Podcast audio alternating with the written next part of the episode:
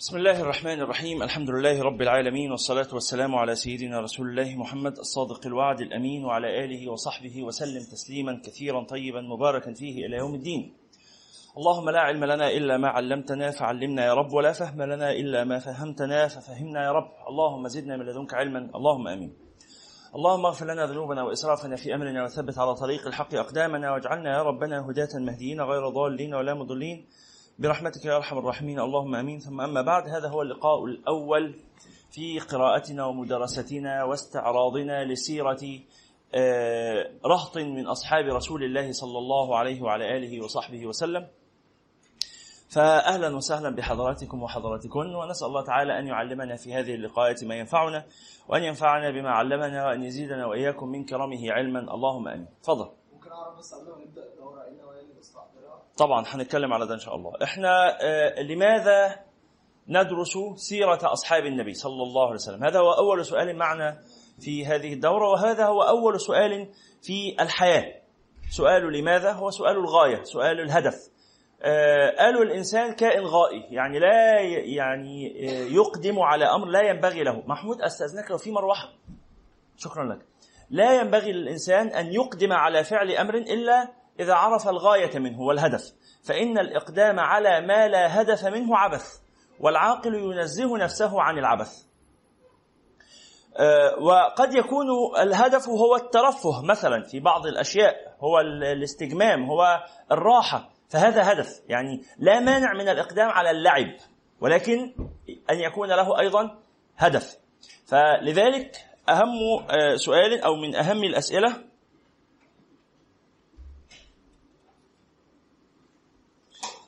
من أهم الأسئلة التي ينبغي أن يسألها الإنسان لنفسه قبل أن يقدم على أي عمل من الأعمال هو لماذا أعمل هذا العمل.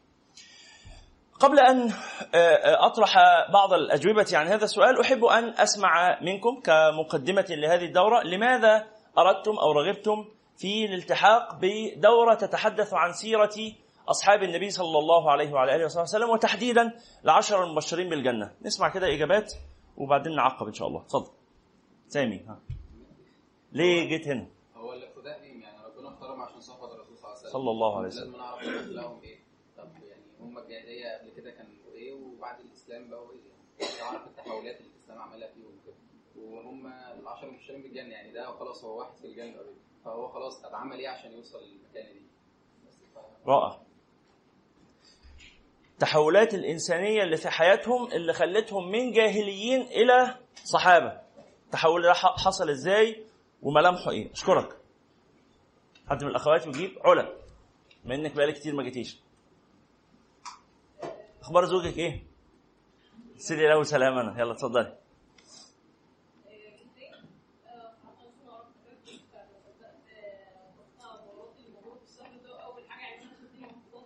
كويس. خير وبركة. خير وبركة. ماشي بس أنت اخترتي دورة علشان ميعادها مناسب وعلشان أنت عايزة تحضري حاجة. في آه، آه، آه، العلوم الشرعية. ده كويس. بس تحديدا بقى الدورة دي هل ليها أهمية خاصة بالنسبة لك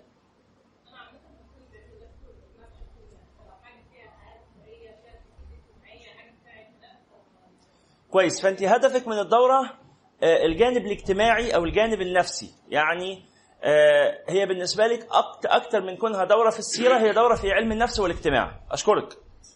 أشكرك. سؤال أخ... وسامي كانت إجابته كلمة التغيير. أنا ممكن أكتب الكلمات الإيه؟ المفتاحية. عايزها عندي أنا محمود بقى إيه؟ أحتضنها كده. إديني وشها كده. محمود آه، سامي كان مشغول بسؤال الإصلاح.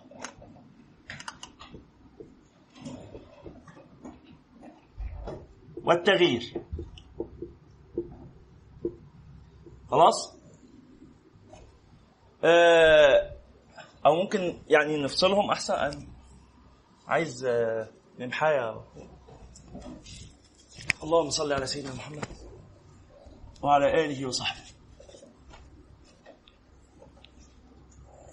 عندي كلمة الإصلاح كلمة التغيير كلمة علم النفس.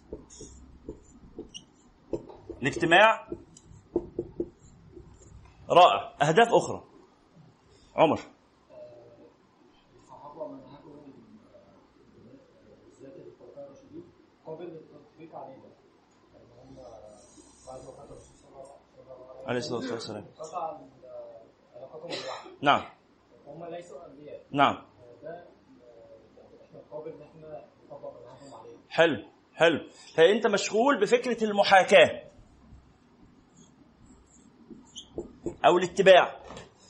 اتباع المنهج ال- الرباني البشري مش الرباني المعصوم. في رباني معصوم في رباني بشري. هو استلهم ال- ال- المعاني الربانية لكن بعمل بشري يعتريه القصور والضعف والعجز وما إلى ذلك. ملك. ملك أنا فاكر الاسم صح ولا؟ عاليه معلش اتفضلي.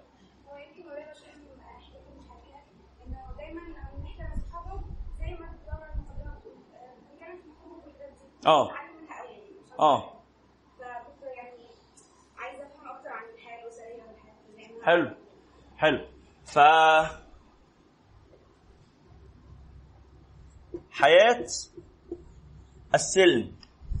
دايما مش بس الصحابة عموما التاريخ لما بنستعرضه بنستعرض المعارك بنستعرض التاريخ السياسي آه، ال- ال- الآشوريين اللي اسمهم دول الفينيقيين ال- الرومان إلى إلى آخره بنستعرض حركة الممالك الحركة السياسية الانتصارات وما إلى ذلك لكن الحياة الفنية والحياة الأدبية والحياة الاجتماعية والحياة الأسرية وما إلى ذلك هو اللي محتاج نظر. شكرا يا علي. آه معلش هو مين أول مرة يحضر معانا الشيخ العمود؟ أول مرة يحضر أي حاجة في الشيخ العمود خالص؟ واحد اثنين ثلاثة أربعة خمسة ستة سبعة ثمانية أهلا وسهلا بكم. نورتم وشرفتم. وفي البداية إحنا طبعا الناس اللي حضرت معانا قبل كده عارفة واللي بيحضروا لأول مرة إحنا عندنا تكليف من النبي صلى الله عليه وسلم. إذا رأينا طلاب العلم للمرة الأولى أن نقول لهم مرحبا مرحبا بوصية رسول الله صلى الله عليه وسلم. وهذا اعتمادا على حديث أو عملا بحديث سيدنا أبي سعيد الخدري رضي الله تعالى عنه وأرضاه. قال قال رسول الله صلى الله عليه وعلى آله وصحبه وسلم سيأتيكم أقوام يطلبون العلم من الآفاق. سيأتيكم أقوام يطلبون العلم من الآفاق. فإذا رأيتموهم فقولوا مرحبا مرحبا بوصية رسول الله صلى الله عليه وسلم. فده تكليف كده نبوي. بنبدأ بيه فأهلا وسهلا الناس اللي اول مرة تحضر معانا. نورتم وشرفتم. أنا أخوكم في الله أنس السلطان. أحد المدرسين هنا في مدرسة شيخ العمود. آه، طبعا شيخ العمود لها فرعين فرع الرئيسي في العباسية والفرع الآخر هنا في مصر الجديدة. آه، الفقير تخرجت في كلية الشريعة والقانون قسم الشريعة الإسلامية جامعة الأزهر وبعدين التحقت بكلية أصول الدين جامعة الأزهر وبعدين التحقت بكلية الآداب قسم علم النفس جامعة القاهرة وبعدين التحقت بكلية الآداب قسم التاريخ جامعة عين شمس. و بحاول أكمل تعليمي كده يعني على قد ما ربنا يفتح لي. كمان التحقت بالدراسات العليا بقسم السياسة الشرعية بكليتي الأصلية كلية الشريعة. ويعني في أول طريق طلب العلم. مهتم جدا بمسألة علاقة العلوم الإسلامية أو العلوم الشرعية تحديدا بالعلوم الإنسانية أو التطبيقات الإنسانية للعلوم آه، الشرعية. وإصلاح العلوم الشرعيه إصلاح أحوال الناس بالعلوم الشرعية أو بالعلم عموما آه، شرعيا ولغويا وانسانيا وطبيعيا. والمبدأ في هذا الذي انتهجه يعني شخصيا إنه نتعلم ما يكون به الإنسان انسانا قبل أن نتعلم ما يكون به المسلم مسلما. فباختصار يعني هذا أنا وأسأل الله سبحانه وتعالى أن يشرفني ويسعدني ويفيدني بصحبتي لكم وأن يجعل صحبتنا لبعضنا البعض مفيدة إن لم يكن في كلام المتكلم ففي آه، يعني حسن استماع السامع أو في المناقشة والتعليقات والأسئلة ربنا يجعل هذه الأوقات في ميزان حسناتنا وينفعنا وإياكم بها في الدنيا والآخرة اللهم آمين. طيب. هنرجع لسؤال لماذا أو أهدافكم من هذه الدورة بس عايز مشاركة من حد أول مرة يحضر معانا.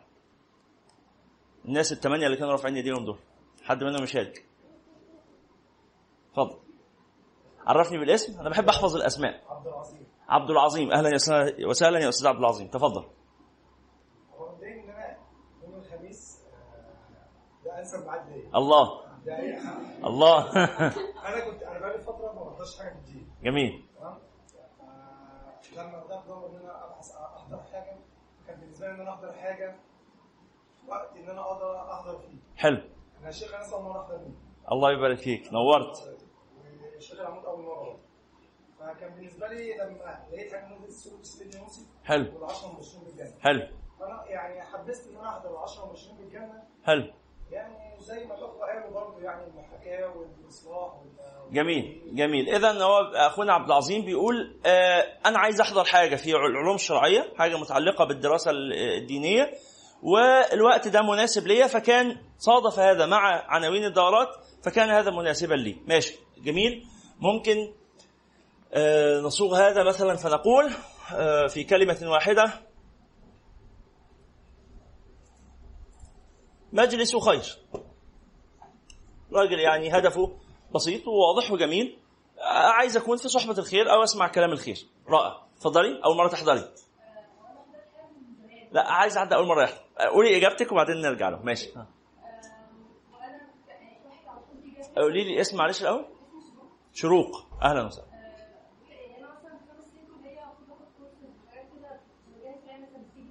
كلية إيه؟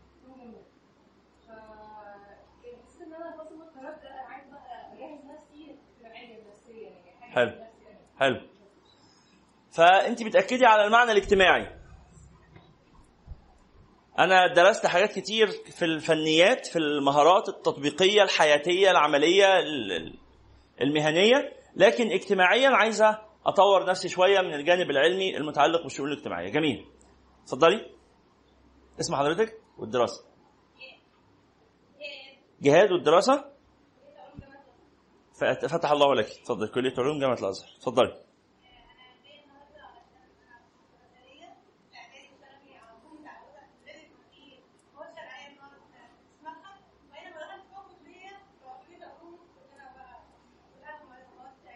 حلو. صحيح. طيب يعني أختنا بتقول تجديد العهد أو خلينا نقول دراسة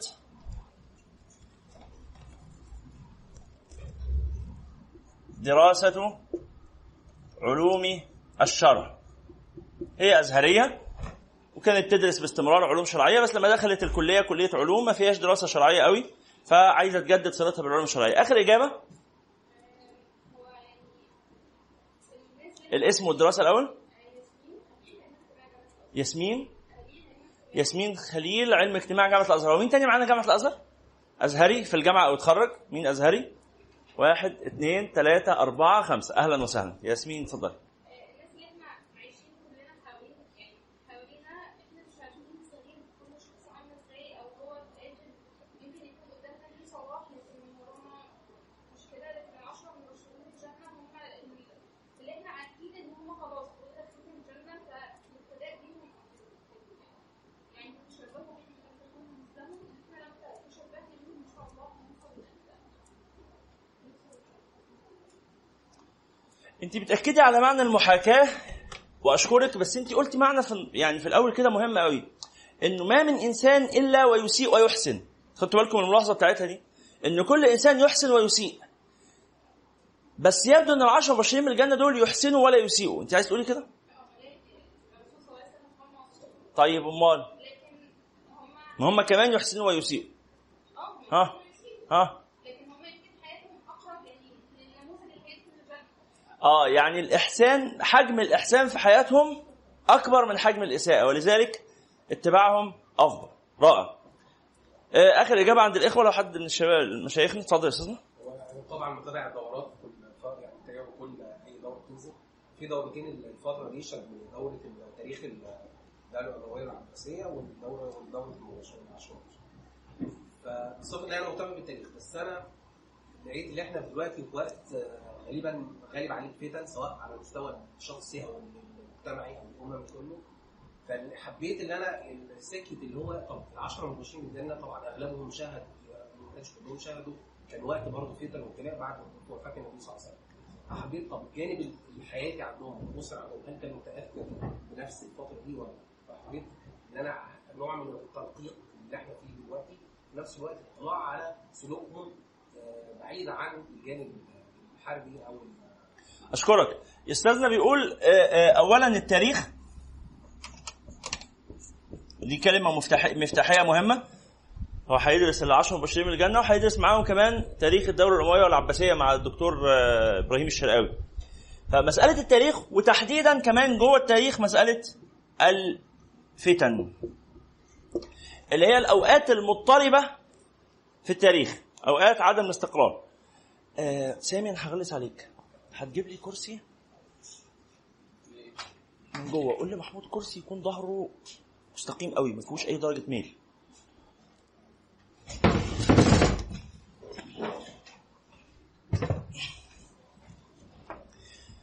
مسألة آه، آه، الفتن. النبي صلى الله عليه وعلى آله وصحبه وسلم لنا حديث يعني مهم جدا. يقول عليه الصلاة والسلام ما من نبي إلا وحذر قومه الدجال. ممكن نكتب هذا الحديث. ما من نبي إلا وحذر قومه الدجال. كل الأنبياء كل الأنبياء حذروا من فتنة الدجال. يعني حتى سيدنا آدم اللي في أول التاريخ. أه، محمود آه، اعوج لي ظهره يبقى مستقيم. آه اعوجه بقى. يعني حطه في الأرض كده ودوس عليه ويعني ما مش مسموح لي طبيا بأي درجة ميل في ظهري. معلش. ما من نبي إلا وحذر قومه الدجال. وإني محذركموه. وإني محذركموه. يعني كما حذر الأنبياء من قبلي فإني أحذركم كذلك. فإن يخرج وأنا بين ظهرانيكم صح مش عارفين هيخرج إمتى. وأنا بين ظهرانيكم يعني وأنا عايش معاكم وأنا لسه موجود في وسطكم وعايش معاكم. إن يخرج وأنا بين ظهرانيكم فأنا حجيج كل مسلم. فأنا حجيج كل مسلم. حجيج حجيج يعني مدافع. أنا أحاج عنكم يعني أدافع عنكم. ها، أعرض الحجة يعني. أنا حجيج كل مسلم يعني أنا المحامي أنا هدافع عنكم كله. وإن يخرج ولست فيكم.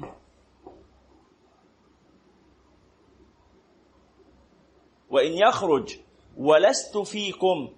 فكل امرئ حجيج نفسه.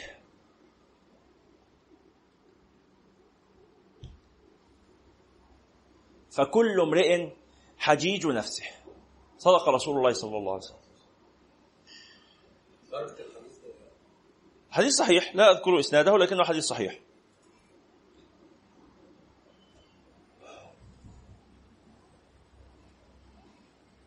النبي صلى الله عليه وعلى آله وصحبه وسلم يقول لنا إن أعظم فتنة تهدد البشرية عبر تاريخها وقد حذر منها جميع الأنبياء السابقين هي فتنة المسيح الدجال. وقال صلى الله عليه وسلم أنا أحذركم كما حذر الأنبياء السابقين أقوامهم. كما حذر الأنبياء السابقون أقوامهم.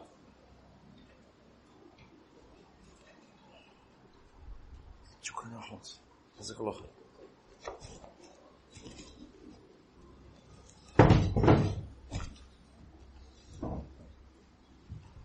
الله أشكرك حلو فإذا خرج الدجال وأنا بينكم وأنا معكم فأنا حجيج كل مسلم. يعني أدافع عنكم.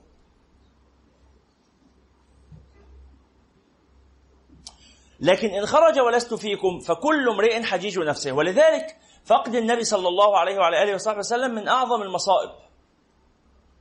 من أعظم المصائب. ولذلك قال صلى الله عليه وعلى آله وصحبه وسلم من ابتلي بحبيب له يعني اللي تصيبه مصيبة اللي يفقد حد عزيز عليه فليتذكر مصيبته فيا. يعني إيه من ابتلي بحبيب الله فليتذكر مصيبته فيا؟ يعني لما تفقد حد غالي اعرف إنك أعظم مصيبة حصلت لك مش إنك فقدت هذا الغالي. الأب ولا الأخ ولا العم ولا الخال ولا الابن ولا الصديق ولا الحبيب ولا الزوج ولا الزوجة. كل دول مهمين في حياتنا بنحبهم قريبين مننا ليهم فضل علينا ليهم أهمية في وجودهم ليه أهمية في حياتنا. لكن في النهاية كل دول أهميتهم لا تساوي ولا تقترب من أهمية وجود النبي صلى الله عليه وعلى وصحبه وسلم. ففي الحقيقة أعظم مصيبة حصل لنا هي مصيبة النبي مش موجود صلى الله عليه وسلم. خلاص؟ أعظم مصيبة مصيبة فقد النبي عليه الصلاة والسلام. إن إحنا نحتاج إرشاد نحتاج حماية نحتاج آه، توجيه في الفتن متلخبطين محتارين تايهين زائغين. والنبي عليه الصلاة والسلام قال لنا عن الفتن كلام صعب قوي. قال ستأتي على الناس فتن كقطع الليل المظلم تترك الحليم حيرانا. المقطع ده من الحديث كمان عجيب عايز تأمل. تأتي على الناس فتن تأتي على الناس فتن كقطع الليل المظلم. تترك الحليم حيرانا. معلش يا سامي لف المروحه دي عليا ربنا يكرمك يا رب تترك الحليم حيرانا. الحليم يعني إيه؟ الحليم يعني العاقل. آه أشكرك.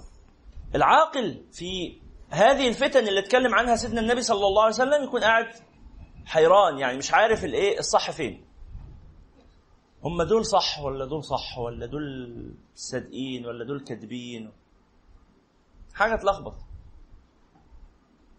ويطلعوا في التلفزيونات تحسهم إن هم يعني المدافعين عن حقوق ال- الغلابة وهم في الحقيقة حرامية ونصابين.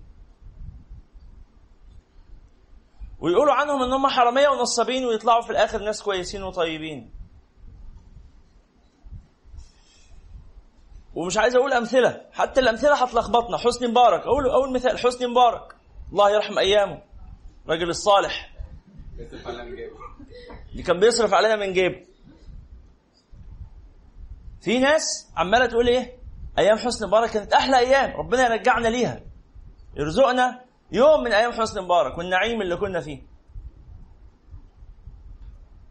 في ناس كده وفي ناس لسه لم تنفتح لهم البصيرة فلسه لم يصلوا إلى إلى هذا بعد. لسه ما مش مدركين الخير اللي كان اللي كنا عايشين فيه أيام حسني مبارك. فحي يعني هيبدأوا يشتموا في بعض اللي هيقولوا إحنا آسفين يا ريس دول هيعتبروهم فلول. آه حماس. حماس دول مدافعين عن حق الأمة ولا ناس مفتريين وظلمة؟ يطلعوا في التلفزيون يشتموهم وبعدين بعد يومين الحكومة تعمل اتفاق معاهم فيقوم عمرو أديب يستضيفهم في التلفزيون ويقول ده حركة وطنية شريفة. هو كان بيشتمهم امبارح بس كان لسه ما حصلش اتفاق بينهم وبين الحكومة. فامبارح كان بيشتمهم ويقول خونة وظلمة تاني يوم استضاف صح؟ مش استضاف آه، بين حد منهم؟ آه. استضاف أظن إسماعيل هنيه أو حاجة زي كده في التلفزيون وقعد بقى يمدح في ان حماس حركة وطنية وحماس حركة شريفة وحماس حركة عظيمة وإحنا بنحاكم أصلا في ناس مسجونين بتهم التخابر مع حماس اللي هي الحركة الوطنية الشريفة. يعني و, و... ايا ما كان الحكم اللي أنت هتصدره إن هم حركة وطنية شريفة ولا إن هم باعوا القضية مش فارق معايا أنت حكمك إيه. سواء كنت هتحب حسني مبارك أو هتكرهه مش فارق معايا حكمك إيه. لأنه في الحقيقة الأحكام كلها غلط.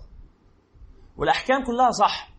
مش بمعنى النسبية المطلقة بل بمعنى إنه ليس المهم إلى ماذا وصلت ولكن المهم كيف وصلت. ليس المهم وهذا سنقف معه يعني في حياة هؤلاء الصحابة الكرام رضي الله عنهم وقفات مهمة. ليس المهم إلى أي نتيجة وصلت.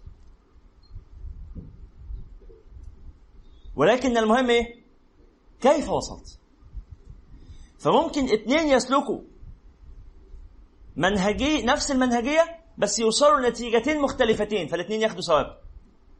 برغم إن الخ... برغم إن النتيجة إيه؟ مختلفة. معايا دليل على الكلام ده؟ طبعا. حديث النبي صلى الله عليه وعلى آله وصحبه وسلم يقول إذا اجتهد الحاكم فأصاب فله أجران. وإذا اجتهد فأخطأ فله أجر. الحاكم هنا مش معناها الأمير أو الوزير بس الحاكم أي حد بياخد قرار في أي مسألة. إذا اجتهد الحاكم فأصاب فله أجران. وإذا اجتهد فأخطأ فله أجر. وبالتالي ينفع تبقى بتأيد حسني مبارك وتاخد ثواب. ينفع. وارد. ممكن يحصل. وينفع تبقى بتأيد حسني مبارك وتاخد ذنب. كلاهما بيأيدوا نفس الرجل. ينفع تبقى بتعارض وبتخالف وبتنكر على حسني مبارك وتاخد ثواب. وينفع تبقى بتنكر عليه وتاخد ذنب صح؟ تتشابه الأفعال وتختلف النوايا. تختلف المقاصد تختلف الأهداف. في واحد ممكن يختلف مع الحكومة وعايز الإصلاح. فبيعارض لكنه عند الله إيه؟ مثاب ولا معاقب؟ ما تردوا عليه عند الله مثاب. وواحد تاني يخالف الحكومة ويعارض الحكومة؟ يبغي الشهرة والمكانة والمنزلة ويقولوا عليه شجيع السيمه وهذا إيه؟ يعاقب. رغم إن الأفعال تشابهت. طب إحنا في الدنيا هل نستطيع أن نميز المخلص من غير المخلص؟ لا. ولذلك اتخذنا المواقف هيبقى صعب. أنا ضربت مثال بحاجة سياسية لأن في الغالب المسائل السياسية دي هي اللي بتبقى عاملة حساسيات في النفوس أو. بتضايق الناس أو ما إلى ذلك. لكن الموضوع أوسع من المسائل السياسية. كذلك في المسائل الاجتماعية. في مسائل الزواج والطلاق. في مسائل الإنجاب. في أي مسألة من مسائل الحياة ربما اثنين يعملوا نفس الحاجة أحدهما يثاب والثاني يأثم. اللي خرجنا هناك إيه؟ قول النبي صلى الله عليه وعلى آله وصحبه وسلم صلوا عليه. عليه الصلاة والسلام تأتي على الناس فتن كقطع الليل المظلم تترك الحليم فيها حيرانا. وقال صلى الله عليه وسلم تأتي على الناس فتن يرقق بعضها بعضا. أو ده برضه حديث عجيب جدا. تأتي على الناس فتن كقطع الليل المظلم فتن تأتي على الناس فتن كقطع الليل المظلم يرقق بعضها بعضا. يعني إيه يرقق بعضها بعضا؟ كل ما تيجي فتنه نقول قبلها كانت رؤياه قوي قبلها كانت بسيطة قوي. كل لما تيجي فتنة جديدة ازيك يا أبو بكر. كيف حالك؟ كل لما تيجي فتنة جديدة نقول ياه ده الفتنة اللي فاتت كانت جميلة. ولذلك كثيرا ما أقول لأصدقائي وزملائي إنه هيجي لنا أيام نقول ياه فين أيام 2019 والسعادة اللي كنا فيها في 2019 والنعيم اللي كنا فيه في 2019 والغنى اللي كنا فيه في 2019 ورخص ال ال ال يعني الحاجة كانت رخيصة قوي. 2019 دي الدنيا كانت واحد مرتبه يعني كان بيبعزق منه وما بيخلصش. يقول لي إيه؟ ده مش مكفي. أقول لك طب استنى بس شوف اللي جاي إيه. شوف اللي جاي إيه. قد تكون هذه الأيام التي يعني نعيشها الآن أسعد أيام حياتنا. قد تكون بتعيش أسعد أيام حياتك قد يكون مش أكيد. احتمال يكون لسه فيه آه، يعني ضوء بيقولوا عليه في آخر النفق وإن كنت عرفت إن يعني صدر قرار لشركة الكهرباء بإغلاق الضوء اللي في آخر النفق ده عشان خاطر الناس الموهومة فيه. وطبعا في أقوال بتقول إن هو قطر جاي من آخر النفق يدهس هؤلاء اللي إيه؟ اللي منتظرين هذا الضوء. يعني في في أقوال كثيره بشأن هذا الضوء الضوء اللي في آخر النفق تفسيرات متعددة.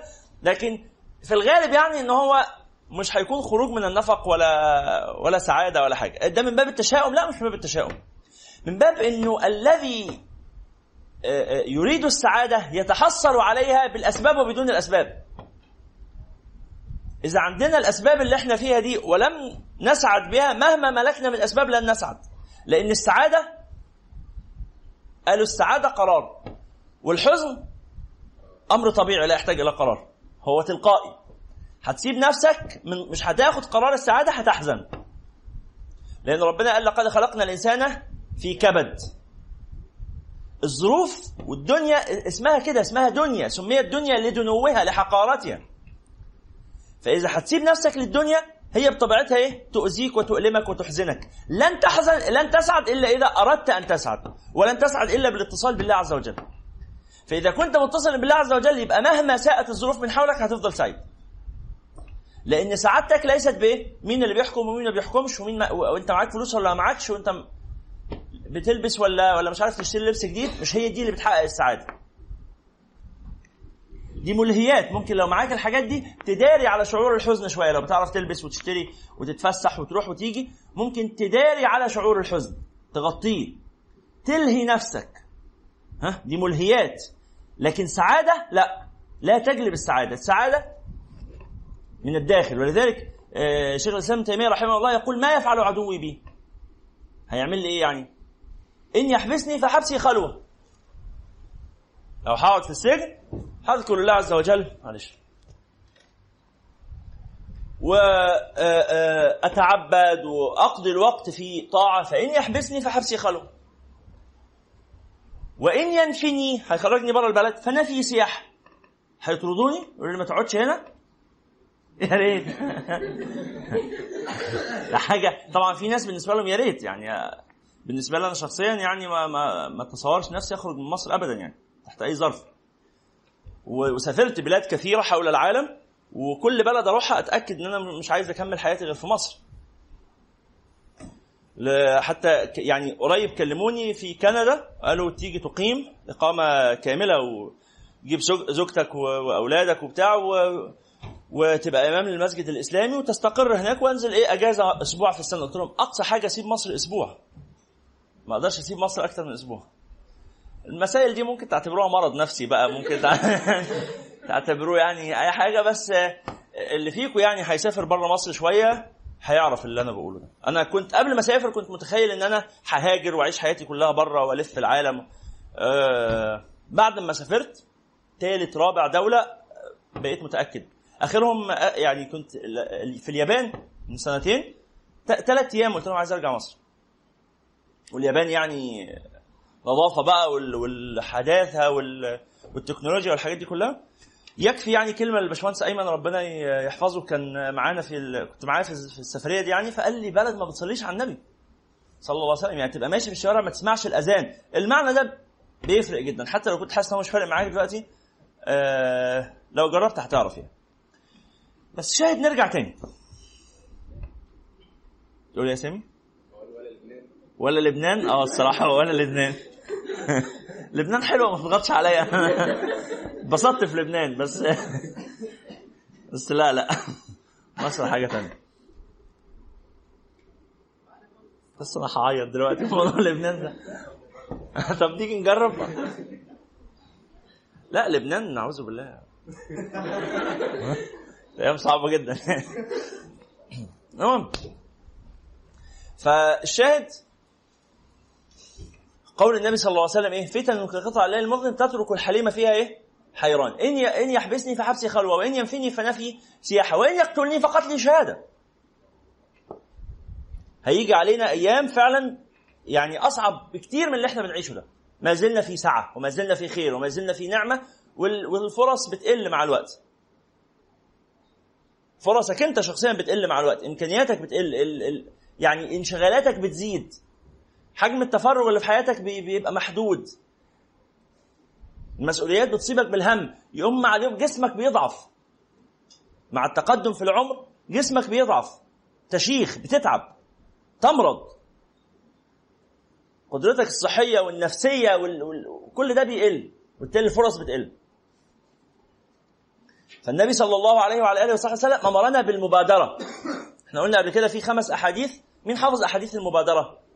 يلا يأخذ مئة جنيه. حالا. خمس أحاديث. أحاديث المبادرة. قلناها كتير قوي. الناس اللي حضرت معانا قبل كده. عمر قولها إيه؟ هتقرأهم. لا قولهم من حفظك أحاديث المبادرة. طيب أحاديث المبادرة يا جماعة. خمس أحاديث. اكتب- اكتبوا عناوينهم بس كده. أحاديث المبادرة خمس أحاديث. واحد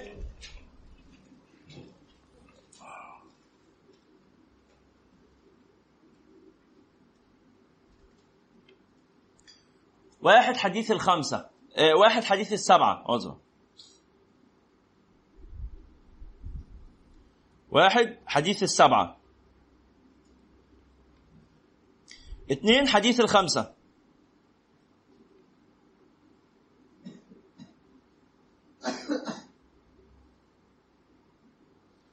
ثلاثة حديث الأربعة.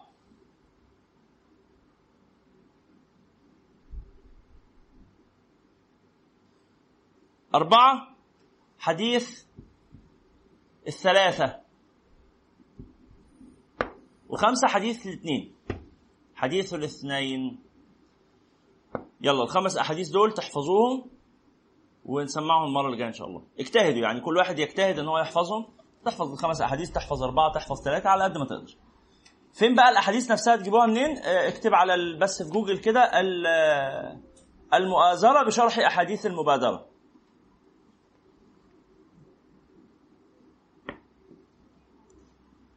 هتلاقي مقالتين فيهم نص الحديث وشرحهم. في موقع إضاءات.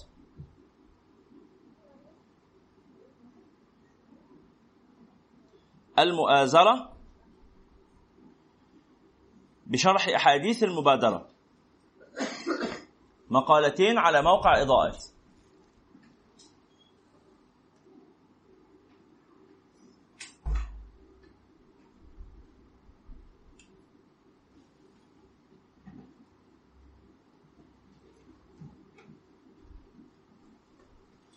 صليتوا على رسول الله صلى الله عليه وعلى آله وسلم. فنرجع تاني. فهذه الفتن بما فيها من صعوبات إحنا استعرضنا شوية أحاديث. اولا بدأنا بحديث بقوله صلى الله عليه وسلم ما من نبي نراجع مع بعض كده الأحاديث بسرعة. ما من نبي ها؟ حش معايا خالص. ما من نبي إلا وحذر قومه الدجال ها؟ وإني محذركموه فإن يخرج وأنا بين ظهرانيكم فأنا حجيج كل مسلم وإن يخرج ولست فيكم فكل امرئ حجيج نفسه. الحديث الثاني قال صلى الله عليه وسلم إيه؟ من ابتلي بحبيب له فليتذكر مصيبته في الحديث الثالث تأتي على الناس فتن كقطع الليل المظلم. تترك الحليم فيها حيران. الحديث الرابع تأتي على الناس فتن كقطع الليل المظلم يرقق بعضها بعضا. طيب. في ضوء بقى إن هي فتن شديدة. والنبي قال لنا لو أنا موجود معاكم هدافع عنكم. ولو أنا مش موجود فكل واحد يدافع عن نفسه. طب يعني هيسيبنا كده ندافع عن نفسنا إزاي؟ إيه الوسيلة اللي ندافع عن نفسنا بيها؟ قال لنا صلى الله عليه وسلم إيه هي الوسيلة دي؟ قال تركت فيكم الثقلين.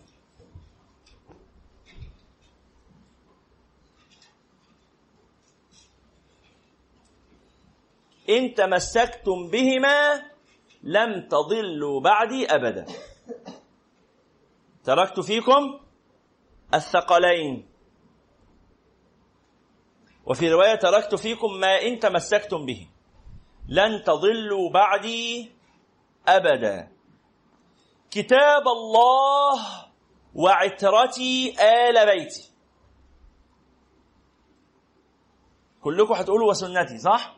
هنتكلم على ده. هقول اهو أنا لسه قاعد أنا مشيت أنا قاعد أهو. تركت فيكم ما إن تمسكتم به لن تضلوا بعدي أبدا. كتاب الله وعترتي آل بيتي. رواه البخاري. هذا حديث صحيح رواه البخاري. مين أول مرة يسمع الحديث ده؟ بالنص ده بالصيغة دي. مين أول مرة يسمعه؟ كويس. مين سمعه قبل كده؟ جميل. أهلا وسهلا. أغلب الناس أول مرة يسمعوه. بس في حديث تاني مشهور برضو أو الرواية أخرى للحديث تركت فيكم ما إن تمسكتم به لن تضلوا بعدي أبدا كتاب الله وسنتي. مين سمع ده قبل كده؟ جميل. مين ما سمعوش قبل كده؟ جميل.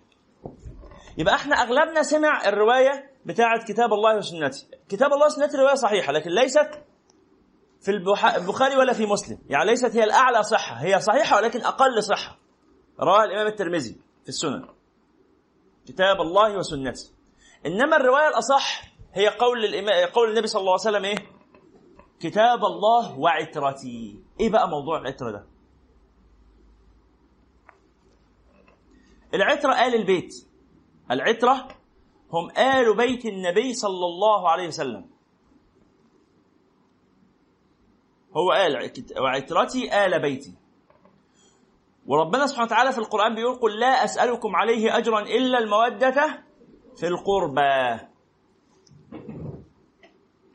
والنبي عليه الصلاة والسلام كما في حديث آه، الغدير في حديث غدير خم لما وقف عند ماء يقال له خم فوصى أصحابه ووصى آه، آه، من حوله وقال الله الله في آل بيتي الله الله في آل بيتي يعني أوصيكم الله في آل بيتي يعني سيروا على نهج آل البيت واقتفوا نهج آل البيت واتبعوا سير سيرة آل البيت واتبعوا سنة آل البيت.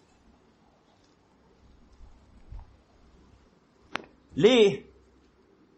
لأنه آل بيت النبي صلى الله عليه وعلى آله وصحبه وسلم حديث حديث آل البيت حديث العترة لو حديث في صحيح البخاري ليس متعارضا مع حديث سنتي. لأن السنة هي المنهاج وآل البيت هي التطبيق الأمثل للمنهاج. آل بيت النبي صلى الله عليه وسلم هم أفضل تطبيق للمنهج الرباني النبوي. فأنت معاك في القرآن معاك كتاب الله وكتاب الله يشمل القرآن والسنة. السنة الكتاب الله بألفاظه القرآن بألفاظه والسنة بمعانيها. كلاهما من الله. وما ينطق عن الهوى إن هو إلا وحي يوحى صلى الله عليه وعلى آله وصحبه وسلم. فكل ما ينطق به وحي من الله تعالى إما وحي بلفظه اللي هو القرآن أو وحي بمعناه اللي هو السنة. فكتاب الله اللي هو القرآن والسنة وعترتي اللي هو تطبيق كتاب الله.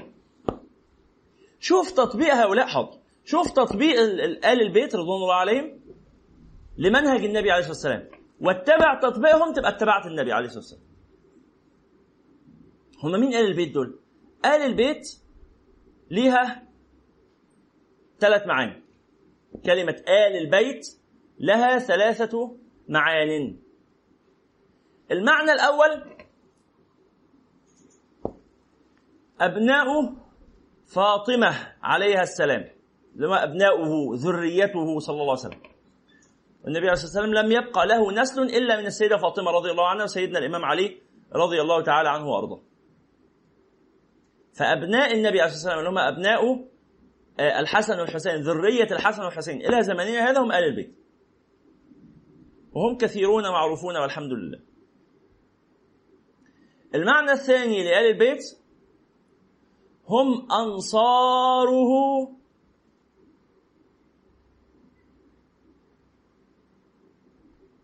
وأصحابه. أنصاره وأصحابه. والمعنى الثالث لآل البيت هم كل مؤمن به إلى يوم القيامة. المعنى الأول خاص. المعنى الأخير عام. والمعنى الثاني بينهما.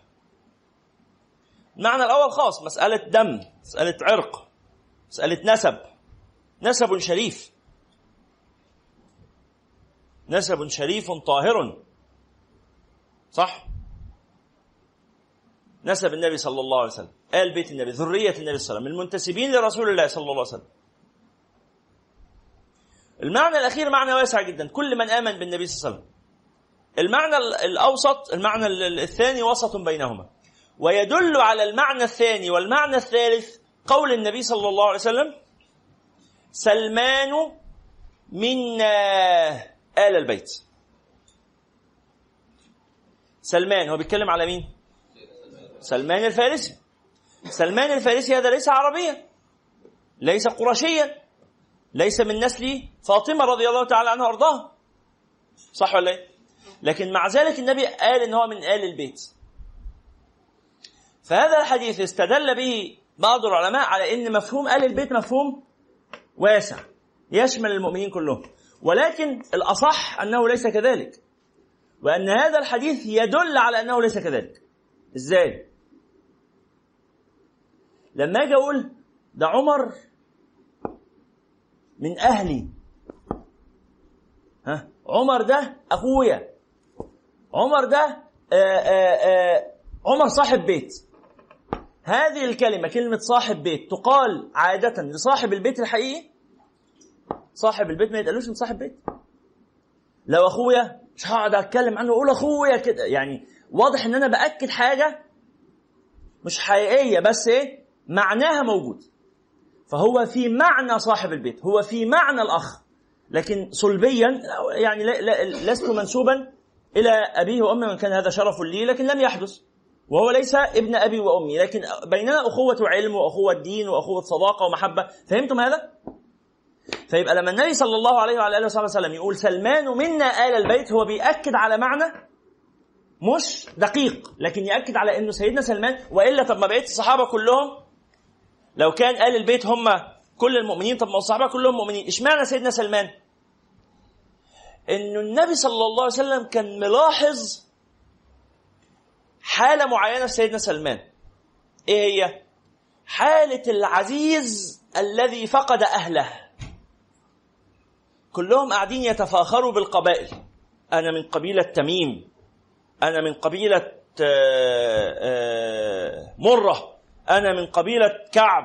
أنا من عمالين يتفاخروا بالقبائل. طب هو قاعد؟ ده من الفرس. ما عندهمش قصة القبائل دي. هو من عيلة وابن ناس وكل حاجة بس إيه؟ فقد أهله. وفقد أهله حرصا على النبي صلى الله عليه وسلم. أنتوا عارفين دي قصة عجيبة باحث عن الحقيقة رضي الله تعالى عنه وأرضاه. قعد يرحل بيدور على النبي عليه الصلاه والسلام من قبل ما يشوفه. بس هو كان في بلاد الفرس ولما انطفأت النار التي كانوا يعبدونها الرهب ال- الكهنة بتوع المعبد قالوا هذا زمان ميلاد نبي آخر الزمان. فقعد يدور هو النبي ده ممكن يبقى فين؟ فراح عند اليهود فتبع دينهم تهود. وظل يبحث عن النبي عند اليهود فلم يجده. ثم تركه وذهب إلى النصارى فتنصر تبع الدين النصراني وظل يبحث. يقول أنا عارف إن الزمن ده زمن ميلاد نبي بس هو فين؟ ويدور ويتعلم ويقرأ ويدور على النبي مش آمن به ولم يره. لغاية لما قالوا له ده هو هيبقى في حتة في وادي مليان بالنخل قعدوا يذكروا له مواصفات معينة فسأل لغاية ما عرف المواصفات دي اللي هي يثرب. فراح ليثرب قال أنتوا عندكم هنا نبي؟ البلد دي شكلها ومواصفاتها كده هي اللي أنا قريت إن هيبقى فيها نبي. أنتوا عندكم نبي؟ قالوا آه في واحد بيقول إن النبي هناك روح شوفوا كده. فراح سأل عليه صلى الله عليه وسلم ودخلوا. إيه ده؟ ده في شوية صفات. بدأ يساله عن الصفات بدأ يسأل يسأل يسأل لغاية أما لقى فيه العلامات منطبقة.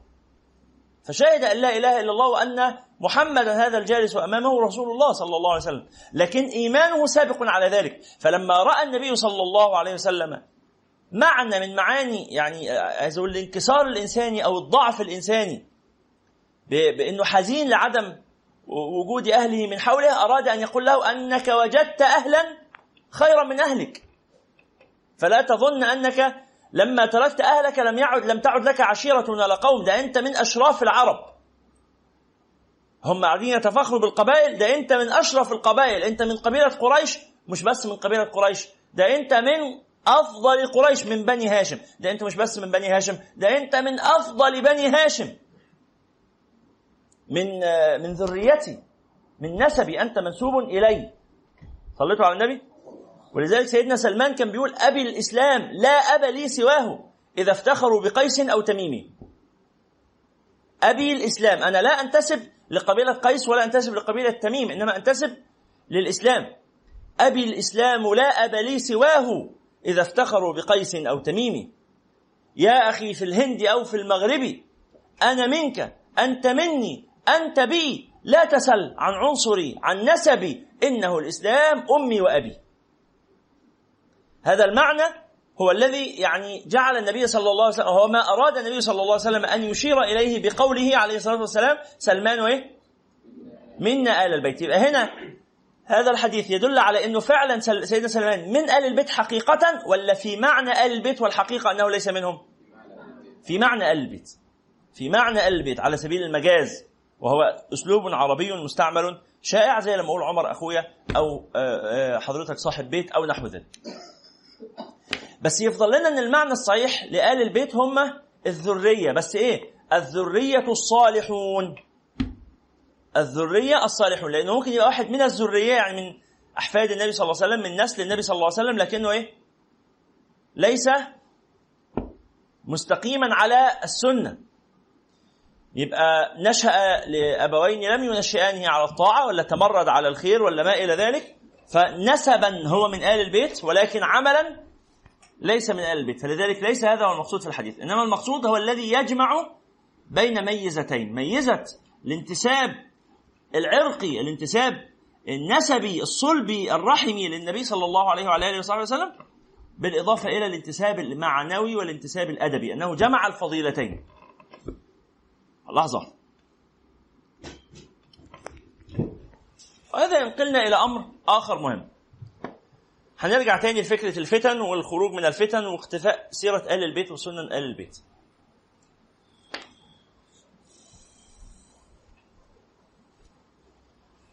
بس في مجموعة من المعاني يعني ست معاني كده رئيسية حن عايزين نستوعبهم أو نشير إليهم إشارة عامة قبل ما نستعرض تفصيلا سيرة كل واحد من هؤلاء العشرة المبشرين بالجنة. ست معاني. نبدأ بالمعنى الأول. المعنى الإنساني العام في هؤلاء العشرة وفي غيرهم.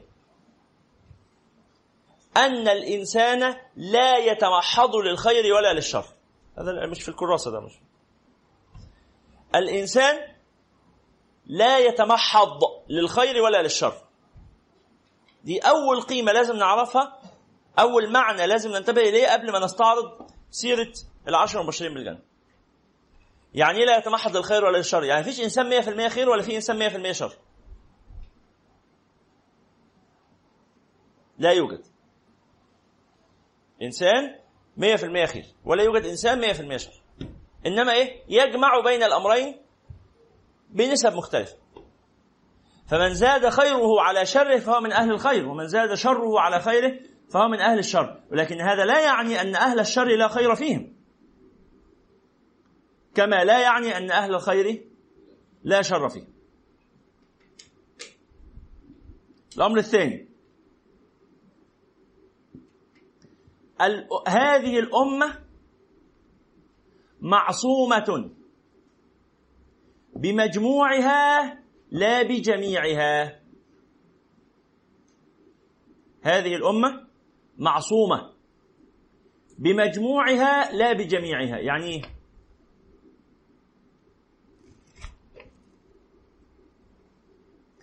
قالوا من الذي عنده كل العلم؟ في حد عنده العلم كله؟ آه مين؟ كل الناس. كل الناس. كل هنا بمعنى الايه؟ المجموع. من الذي عنده كل العلم؟ قالوا كل الناس. مش إنه كل واحد من الناس عنده كل العلم. لا كل الناس على بعض كده. لما تجمعهم على بعض يطلع عندهم العلم كله. فهذه الأمة معصومة. بس معصومة بإيه؟ بمجموعها لا بجميعها. يعني كل واحد من الأمة بيغلط. لكن الأمة على بعضها لا تجتمع على ضلالة. قال رسول الله صلى الله عليه وسلم, صلى الله عليه وسلم لا تجتمع أمتي على ضلالة. يبقى لما يتفقوا جميعا على معنى عام شائع بينهم الله تعالى عصم هذه الأمة أن يحصل بينها اتفاق عام على شيء ضال. فهنا العصمة إيه؟ عصمة مجموع. حتى ولو كانت في أخطاء فردية. آه توجد. لا بأس. شيء طبيعي. توجد أخطاء فردية. الست معاني دول من الاستقراء والتحضير للدورة. يعني مش مش منقولين على بعضهم من حتة معينة. لكن زي تأمل كده في سيرة هؤلاء العشرة عشان وإحنا داخلين نطبق تبقى في بالنا معاني كلية. وبعدين ننظر بقى إلى تجليات هذه المعاني في حياة هؤلاء الصحابة الكرام رضي الله تعالى عنهم وارضاهم. المعنى الثالث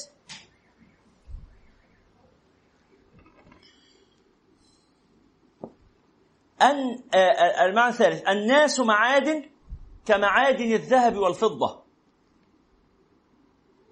الناس معادن كمعادن الذهب والفضة. خيارهم في الجاهلية خيارهم في الإسلام. المعنى ده عايز توضيح شوية. سريعا النبي صلى الله عليه وسلم قيل له يا رسول الله. ما تصلوش على النبي. صلى الله عليه وسلم. يا رسول الله من أكرم الناس؟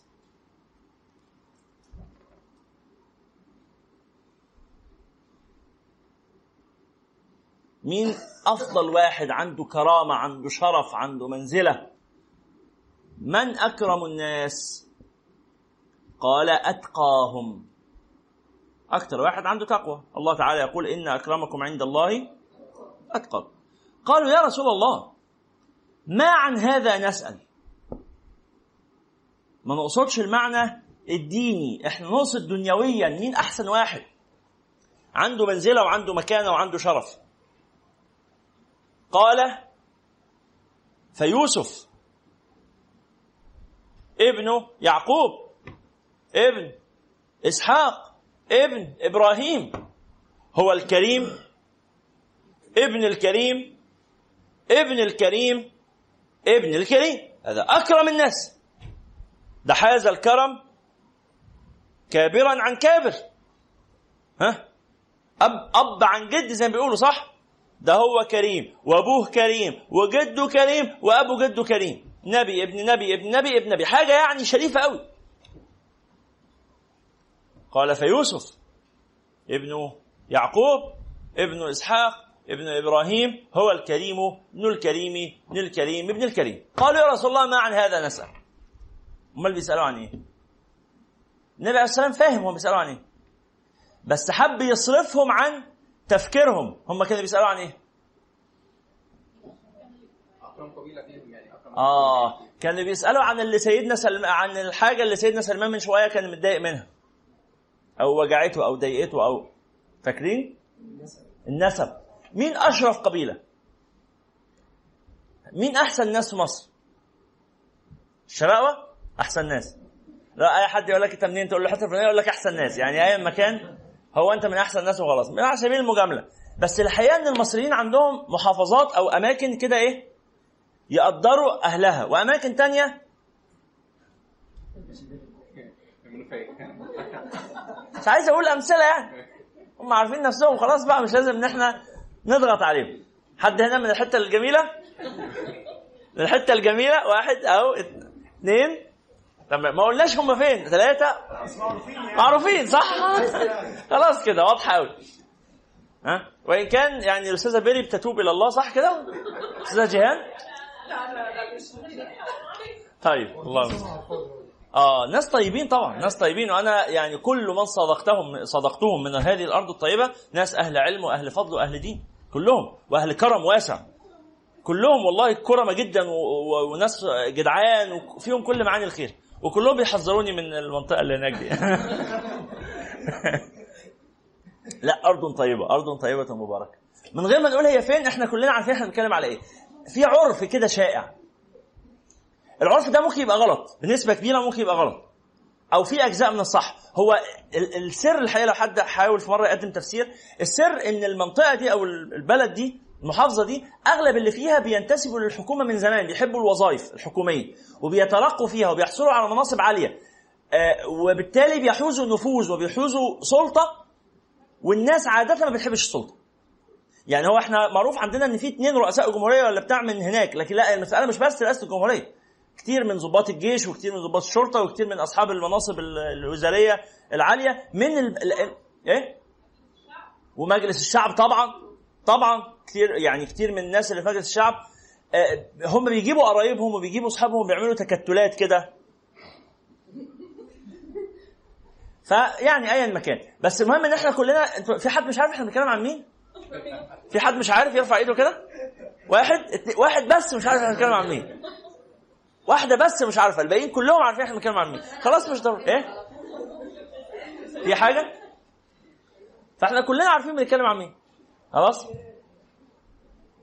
منطقة طيبة في مصر بلد محافظة كريمه في بلد تانية مشهورة مثلا بالبخل إن أهلها بخلة. من غير ما أقول إيه هي برضه. بس مشهور كده. أنت من الحتة الفلانية بخلة جدا. هم واللي جنبهم واللي حواليهم. الحقيقة هم مش بخلة هم حريصين هم شطار. التفسير إن هم بيقعدوا في ورشهم لما بيستقبلوا ضيوف بيستقبلوا الضيف في الورشة. ما بيستقبلوش الضيف في البيت. فأثناء ما هو بيضيف الضيف بيشوف شغله. فالضيف بيعتبر إن ده بخل لأنك ما خدتنيش على البيت. هو في الحقيقة راجل صنايعي ولذلك البلد دي ما فيهاش بطالة. أقل نسبة بطالة في مصر في البلد اللي أنا بكلمكم عليها دي اللي هي دمياط يعني. هاز مشهورين بصناعة الأثاث مشهورين بصناعة الحلويات حاجات كتيرة بلد صناعية. خلاص الناس كلها شغالة. بس إحنا ما بيننا كده عرف إن البلد دي بنطلع نكت مثلا نكت الغباء تطلع على منطقة معينة. ها؟ آه آه الاتهام في الشرف اتهام البنات في شرفهم يطلع على منطقة معينة. ها؟ أنتوا فاهمين المعنى ده؟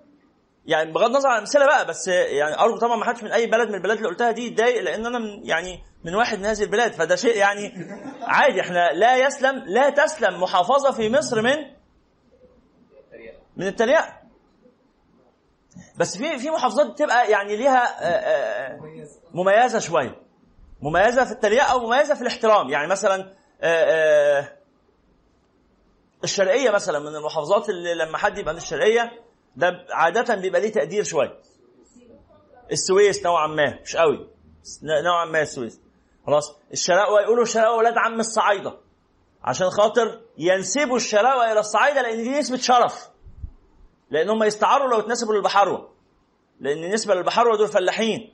فما تتنسبش الوجه بحري. يتنسب للصعيد وانت تبقى شريف. تتنسب لل... للفلاحين تبقى خسيس. فما تتنسبش للفلاحين. أنتوا فاهمين المعاني دي؟ مش عايزكم توافقوا عليها أنا عايزكم تفهموها. أعراف اجتماعية. العرب كان عندهم نفس القصة. مثلا لو أنت مثلا من القاهرة ها إحنا برضو ما بيننا وبين بعض في القاهرة كده المناطق. يعني لو أنت من مدينة نصر هبص لك نظرة معينة. لو أنت من المعادي ليك نظرة معينة. لو أنت من آه، الضرب الأحمر ليك نظرة. لو أنت من الجمالية لو أنت من الشرابية. فاهمين الرسالة دي؟ أنت من بولاق بولاق. ها؟ أصحابنا وحبايبنا. آه، ليك نظرة. العرب كان عندهم القصة دي فراحوا سألوا النبي صلى الله عليه وسلم. قالوا يا رسول الله ما, ما اي الناس أكرم؟ قال آه، اتقى قال أتقاهم؟ قالوا معنى هذا نسأل. قال فيوسف. قالوا معنى هذا نسأل. قال فعن معادن العرب تسألونني؟ تسألوني عن القبيلة الشريفة يعني عشان أقول لكم إن أحسن قبيلة فيكم هي قبيلة بكر ولا قبيلة تغلب ولا قبيلة وائل ولا قبيلة كده؟ هو ده اللي عليه؟ قالوا نعم. قال خيارهم في الجاهلية خيارهم في الإسلام. خيارهم في الجاهلية خيارهم في الإسلام. إذا فقهوا. الله أكبر الله أكبر الله أكبر الله أكبر. أشهد أن لا إله إلا الله أشهد أن لا إله إلا الله أشهد أن محمد رسول الله أشهد أن محمد رسول الله. حي على الصلاة حي على الصلاة حي على الفلاح حي على الفلاح. الله أكبر الله أكبر لا إله إلا الله. اللهم رب هذه الدعوة التامة. والصلاة القائمة. آت سيدنا محمد الوسيلة الفضيلة والدرجة العالية الرفيعة. وابعثه اللهم المقام المحمود الذي وعدته. وصل اللهم على سيدنا محمد وعلى آله وصحبه وسلم. فلما النبي صلى الله عليه وسلم قال خيارهم في الجاهلية خيارهم في الإسلام هو بيشير إلى إيه؟ إنه اللي كان في الجاهلية شريف لما هيسلم هيبقى مسلم شريف. واللي كان في الجاهلية خسيس لما لما يسلم احتمال برضه يبقى مسلم خسيس. لأن هو مشكلته في إيه؟ في طباعه طباعه هو غدار. كان في الجاهلية يغدر. هو غادر. فلما يسلم هيبقى مسلم وبيغدر. ها؟ كان في الجاهلية آآ آآ آآ مثلا آآ يحمي الجوار. لما يسلم هيبقى بيحمي الجوار. كان في الجاهلية يغتاب. لما يسلم هيبقى بيغتاب. طب بس الإسلام بيقوم. آه الإسلام بيقوم. بس في طباع غالبة. لا تنضبط إلا ب يعني مجهود عالي جدا جدا. قالوا الطبع يغلب التطبع. بس يغلب التطبع في أوله لكن لو استقر التطبع وتكلفت التطبع ودمت على التطبع يتحول التطبع ده إلى إلى طبع. فهي الطبع الجديد يغلب الطبع القديم. بقى طبع يغلب الطبع أي الطبعين أقوى وأرسخ. ولذلك النبي صلى الله عليه وسلم قال إنما بعثت لأتمم إيه؟ مكارم الأخلاق يعني إيه ليتم مكارم الأخلاق؟ يعني أصلا مكارم الأخلاق كانت موجودة. ولذلك النبي بعث في العرب لأنهم أهل مكارم الأخلاق، لأنه ناس شريفة. أوعى تفكر إن الناس في الجاهلية دول كانوا ناس عايشين في في في حياة يعني مظلمة قاحلة ضالة من كل الوجوه ابدا. بل كان عندهم وجوه كثيرة من الخير. ها؟ كلمة الجاهلية إحنا بالنسبة لنا طالما جاهلي يبقى هو إيه؟ تصور الجهل وتصور الشر عارف كفار قريش؟ كلمة كفار قريش إيه معناها؟ آه بالظبط صح بالنسبة لنا كلنا التصور بتاع الأفلام ده كفار قريش يعني دقنه تقيلة حواجبه آه، عمولة سبعة؟ شنبه بياكل إيه والشوربة نازلة لازم على دقنه وعلى شنبه؟ ياكل بشراه قدامه فخده ضاني وقاعد معوج وماسك عنقود عنب والجواري بيرقصوا لازم يتكلم كده. كفار قريش بقى. كفار قريش فلازم يتكلم صوت كده غريب. فأول ما بيسلم تلاقيه لابس أبيض. بعد ما كان لابس لابس أسود مخطط بقى لابس أبيض. صوته رفيع راح عمل سشوار لدقنه سرح شعره. عمل عملية تجميل؟ أهلا بك يا أخي الكريم. هو نفسه آه ده كده صوته شال الضفدعة اللي كان حاططها في حنجرته رغم إن إحنا لم نعلم ابدا إن ولا واحد من الصحابة لما جه يسلم راح للكوافير وقال له اعمل لي لو سمحت مكياج مسلم عشان رايح أسلم عند النبي عليه والسلام هات لي أزياء المسلمين. ما راحوش التوحيد النور بتاع المسلمين واشتروا منه لبس المسلمين. هو فضل يلبس نفس اللبس اللي كان لابسه. نفس الإزار ونفس الرداء ونفس القميص ونفس العباءة ونفس العمامة هو بنفس لبسه بقى مسلم. وده يرجعنا للقاعدة رقم واحد اللي هي إيه؟ الإنسان لا يتمحض للخير ولا للشر. التصور بتاع الإنسان الشرير يا جماعة بتاعنا ده تصور كرتوني تصور ساذج يعني. إنسان شرير يعني إيه شرير؟ بيشرب دم أطفال الصبح لازم ما هو ما يعرفش يعيش غير فنجان دم. ما شرير بقى. وقاعد في أوضة ضلمة ونازل منها لمبة وبيهزها. ما شرير بقى. وماسك عياله معلقهم من صوابعهم. شرير. ما هو- بيعيش شرير. بيضرب مراته بي- بيزعق بيشتم بيقتل بيسرق بيزني. فجور بقى عصيان. شرير. شرير. الله. والإنسان الطيب. تصورنا عن الإنسان الطيب إن هو طيب بقى طيب. فبيتكلم كده بطريقة عبيطة كده. و و وماشي كده بيطبطب على الناس. وعبيط عبيط طيب يعني. مش صحيح؟ افرض واحد طيب بس صوته عالي يعني ينفع؟ لا الطيبين ما بقاش ينفعش صوتهم بعالي ليش؟ تعالوا شوف أمي. أمي طيبة. مش أمي بس أمهاتنا كلهم. هي الأمهات اللي بيصرخوا في في البيوت دول. أشرار؟ لا طيبين. طبعا في منهم أشرار. في منهم أشرار. لكن أغلب الأمهات طيبين. لكن ارتفاع الصوت مش علامة على الشر ها؟ واحد ربنا خلقه حواجبه معمولة سبعة يبقى شرير عشان حواجبه معمولة سبعة؟ هو حواجبه كده شكله كده. مكا وشه مكرمش كبر وفي السن وشه مكرمش يبقى شرير؟ أصل الطيبين لازم وشهم يبقى سمح كده هيبقى مفرود لا دول عاملين عمليه شد يعني عادي ممكن يبقوا أشرار بس عاملين شد. معاهم فلوس دافعين حقنين بوتوكس أي حاجة يعني مش مش مشكلة كبيرة. وبالتالي فمرة تانية كده الثلاث قواعد اللي قلناهم رقم واحد الإنسان لا يتوحد للخير ولا الشر يعني أرجوك لو سمحت بعد إذنك بلاش تتصور الأشرار بالشكل الكرتوني للشر ولا الأخيار بالشكل الكرتوني للخير. الإنسان جواه الاثنين بيعمل شوية من كده وشوية من كده. ال- القاعدة الثانية الأمة معصومة بمجموعها لا بجميعها. القاعدة الثالثة إيه؟ لا. لا لا تجتمع أمتي على ضلال ده تبع رقم اثنين. رقم ثلاثة الناس معادن كمعادن الذهب والفضة. خيارهم في الإسلام خيارهم في الجاهلية إذا فقهوا رقم أربعة. خيركم خيركم لأهله. خيركم خيركم لأهله. ده نص كلام النبي صلى الله عليه وسلم. ما أسهل إنك تبقى قدام الناس شخص محترم. وما أصعب إنك تبقى قدام مراتك شخص محترم. أو قدام أبوك أو قدام أخوك أو قدام أمك أو قدام ابنك أو قدام بنتك قدام الناس اللي عايشين معاك لفترة طويلة. اللي معاك في في- في, في بيت مقفول عليكوا باب لو بقيت محترم قدامهم يبقى أنت حقيقتك إنك محترم. لو بقيت محترم قدامهم معناها حقيقتك إن أنت محترم. لكن التكلف سهل. ولذلك عايز تشوف انت أخلاقك إيه؟ ما تستعرضش أخلاقك مع أصحابك ولا أخلاقك مع البياعين اللي في الشارع ولا أخلاقك مع الناس اللي بتشوفهم كل سنة مرة. أخلاقك إيه مع أمك؟ أخلاقك إيه مع أبوك؟ أخلاقك إيه مع أخوك؟ أخلاقك إيه مع مراتك؟ لو انت متجوز مع جوزك هي دي اخلاق ولذلك قالوا الصالح من شهدت زوجته بصلاحه. لأنه مش هيتكلف. صعب جدا واحد يتكلف يعني يتصنع ويمثل وهو في البيت. صعب جدا. الإنسان لما بيدخل بيته خلاص بي إيه؟ يفك بقى. والمثال اللي بضربه دايما في الموضوع ده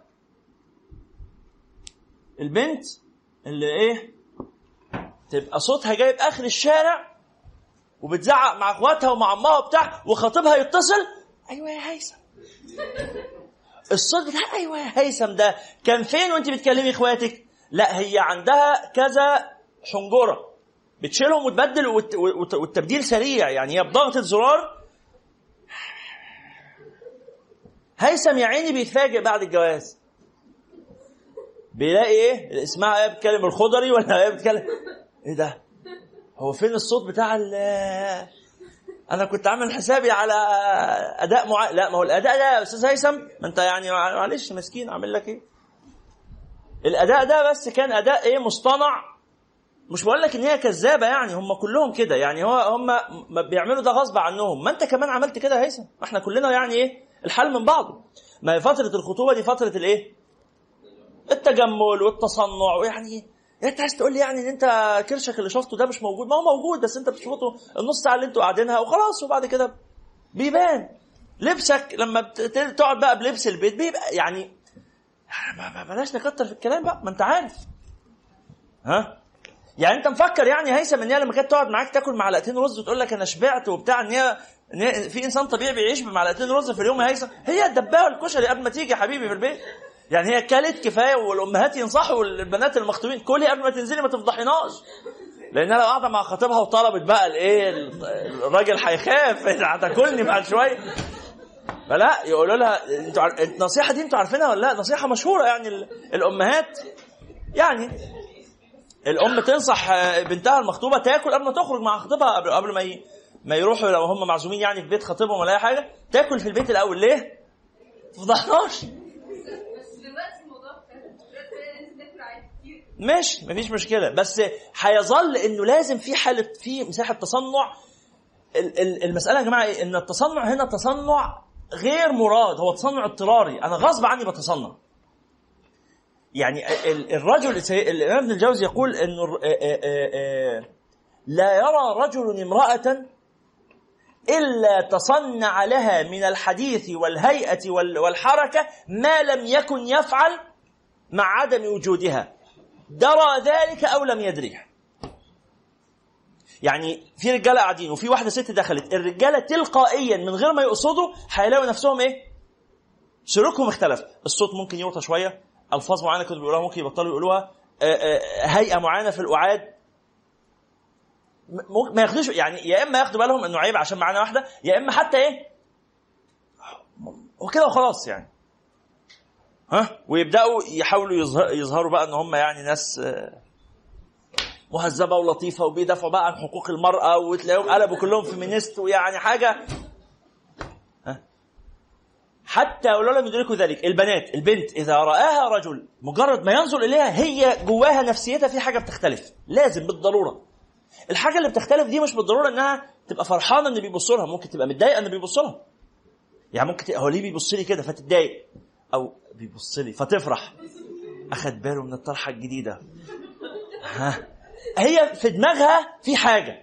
هم هم شايفين ان أنا تخينة. هم بيبصوا لي كده بيتريقوا على شكل ان أنا تخينة.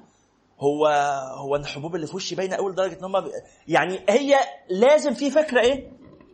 هتأتي في ذهنها من نظر الرجال إليها. لماذا ينظرون إليها؟ سواء كانت ستسر بهذا النظر أو كانت ستتاذى أو تحزن أو تغضب أو ايا ما كان الوضع لكن بالضرورة هيحصل عندها إيه؟ اختلاف نفسي. إذا كانت بحضرة الرجال وهيحصل عند الرجل اختلاف إن كان بحضرة النساء. فنرجع تاني إن المرحلة بتاعة الخطوبة دي أو مرحلة العلاقات العابرة كلها خطوبة أو غيره بتبقى مرحلة تجمل وتكلف. لكن مع أهلك في البيت ولذلك نقول قبل ما تشترك أيها الشاب الصديق الحبيب العزيز اللي ما شاء الله عليك في جمعيات خيرية ومتطوع وبتساعد الناس وجدع وشهم وبتاع خد كيس الزبالة اللي أمك كنت نازل الله يخليك الأول. تطوعك بأخذ كيس الزبالة بتاع أمك اللي في البيت اللي بتصرخ الولايه المسكينة ده إيه؟ قد يكون أرجى وأعظم ثوابا عند الله عز وجل من الأعمال التطوعية اللي أنت مشترك فيها. مش بقول لك بطل عمل تطوعي لا روح. ال student activity اللي أنت مشترك فيها روحها. مين هنا في الجامعة؟ مين ما زال طالب في الجامعة؟ مين ما زال في الجامعة؟ واحد اثنين ثلاثة أربعة خمسة. جميل. الأغلب يعني آه، مش في الجامعة. أهلا وسهلا بطلبة الجامعة. الكلام ده بالذات للناس بتوع الجامعة. بالذات للناس بتوع الجامعة. وأنت في أي نشاط تطوعي ولا آه، آه، نشاط طلابي ولا في الاتحاد ولا في الأسرة اللي أنت فيها ولا ال- الكلام ده كله ولا نموذج المحاكاة؟ الكلام اللي موجود في الجامعات ده كله. قبل القصص دي كلها مع احترامنا ليها اعملها وطور مهاراتك فيها واستفيد منها وكل ده. بس قبل كل ده إيه؟ أبوك وأمك بتقضي معاهم وقت. تقضي معاهم وقت تقعد كده مع أمك قاعدة دردشة كده ورغي وكلام وبتاع. تعمل كده. ده ثلاث نظرات من العبادة. ثلاث حاجات ثلاث نظرات من العبادة. النظر إلى الكعبة. من غير ما تقول حاجة مجرد تقعد بس تبص للكعبة كده. والنظر إلى المصحف حتى لو مش بتقرأ. عينك في المصحف بس من غير قراءة. هذه عبادة. والنظر إلى وجه الأم والأب. نظر إلى وجه الأم والأب. مجرد النظر تبص في وش أمك عباده صليتوا على النبي. ثلاث نظرات من العبادة. النظر إلى الكعبة والنظر إلى المصحف والنظر إلى وجه الأم والأب. ولما أقول النظر إلى وجه الأم والأب مش معناه التتنيح لوجه الأم والأب. يقول لك يد في إيه لا إيه بعبد ربنا إيه. يا أنت بتعمل بقول لك بعبد ربنا بس حاسب بايدك ده أما أشوف. وريني وشك. تعملش كده ده انت بني آدم سئيل يعني ما تبقاش كده. إنما النظر إلى وجه الأم اللي بنتكلم عليه اللي هو نظرة الرحمة اللي هو نظرة المحبة. صليتوا على النبي؟ صلى الله عليه وعلى آله.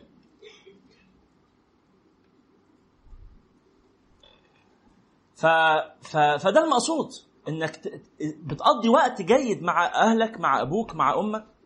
فمره واحد من مشايخنا كان ادانا تكليف قال بعد الدرس كل واحد فيكم يروح يحضن أبوه. لما أبوك يفتح لك ال- البيت لو أنت مروح أبوك في البيت ولا لو أنت روحت قبله وهو جه بعدك أول ما يدخل قوم احضنه. خده بالحضن كده استقبله بالحضن. طبعا ده كان بالنسبة لنا من أصعب التكليفات. يعني كان الشيخ ساعتها لما ادانا الواجب ده والشيخ كان عنده واجبات آه، غريبة يعني. بس الواجب ده كان بالنسبة لنا واجب صعب جدا. أو بالنسبة لنا على الأقل أنا فاكره. لأنه كان إحساس اللي هو أبويا هيقول لي عايز إيه؟ يعني إيه المطلوب؟ كان من التكليفات مثلا الصعبة جدا عند نفس ال- الشيخ ده إنه نروح كلنا كل واحد يقول لأمه إن هو بيحبها. روح قول له ماما بحبك. أنا بالنسبة لي يعني إيه؟ خد عينيا بس ما الكلام ده حاسه ملزق قوي يعني إيه ده؟ أنتوا عارفين إحنا الرجالة يعني أو الشباب الكلام صعب. مش عارف النساء يدركوا هذه الحقيقة عن الرجال ولا لأ بس هي يعني أغلب الرجال بيبقى صعب عليه يتكلم الكلام ده. ممكن يبقى سهل يتكلموا مع الناس الغريبة عنه. ممكن آه لسانه ينطلق. اللي بيبقى مدردح ومتنشط وبتاع ممكن يتكلم مع مع الأغراب. لكن مع الأقارب الوضع بيبقى صعب جدا. إحنا عشر دقائق إن شاء الله ونقوم نصلي في جماعة معا. إن شاء الله. فالشاهد فالموضوع صعب. فإزاي بقى قعدت أعمل تدريبات شاقة جدا على مدار أربع أيام متواصل أدرب نفسي؟ في سري كده. بحب.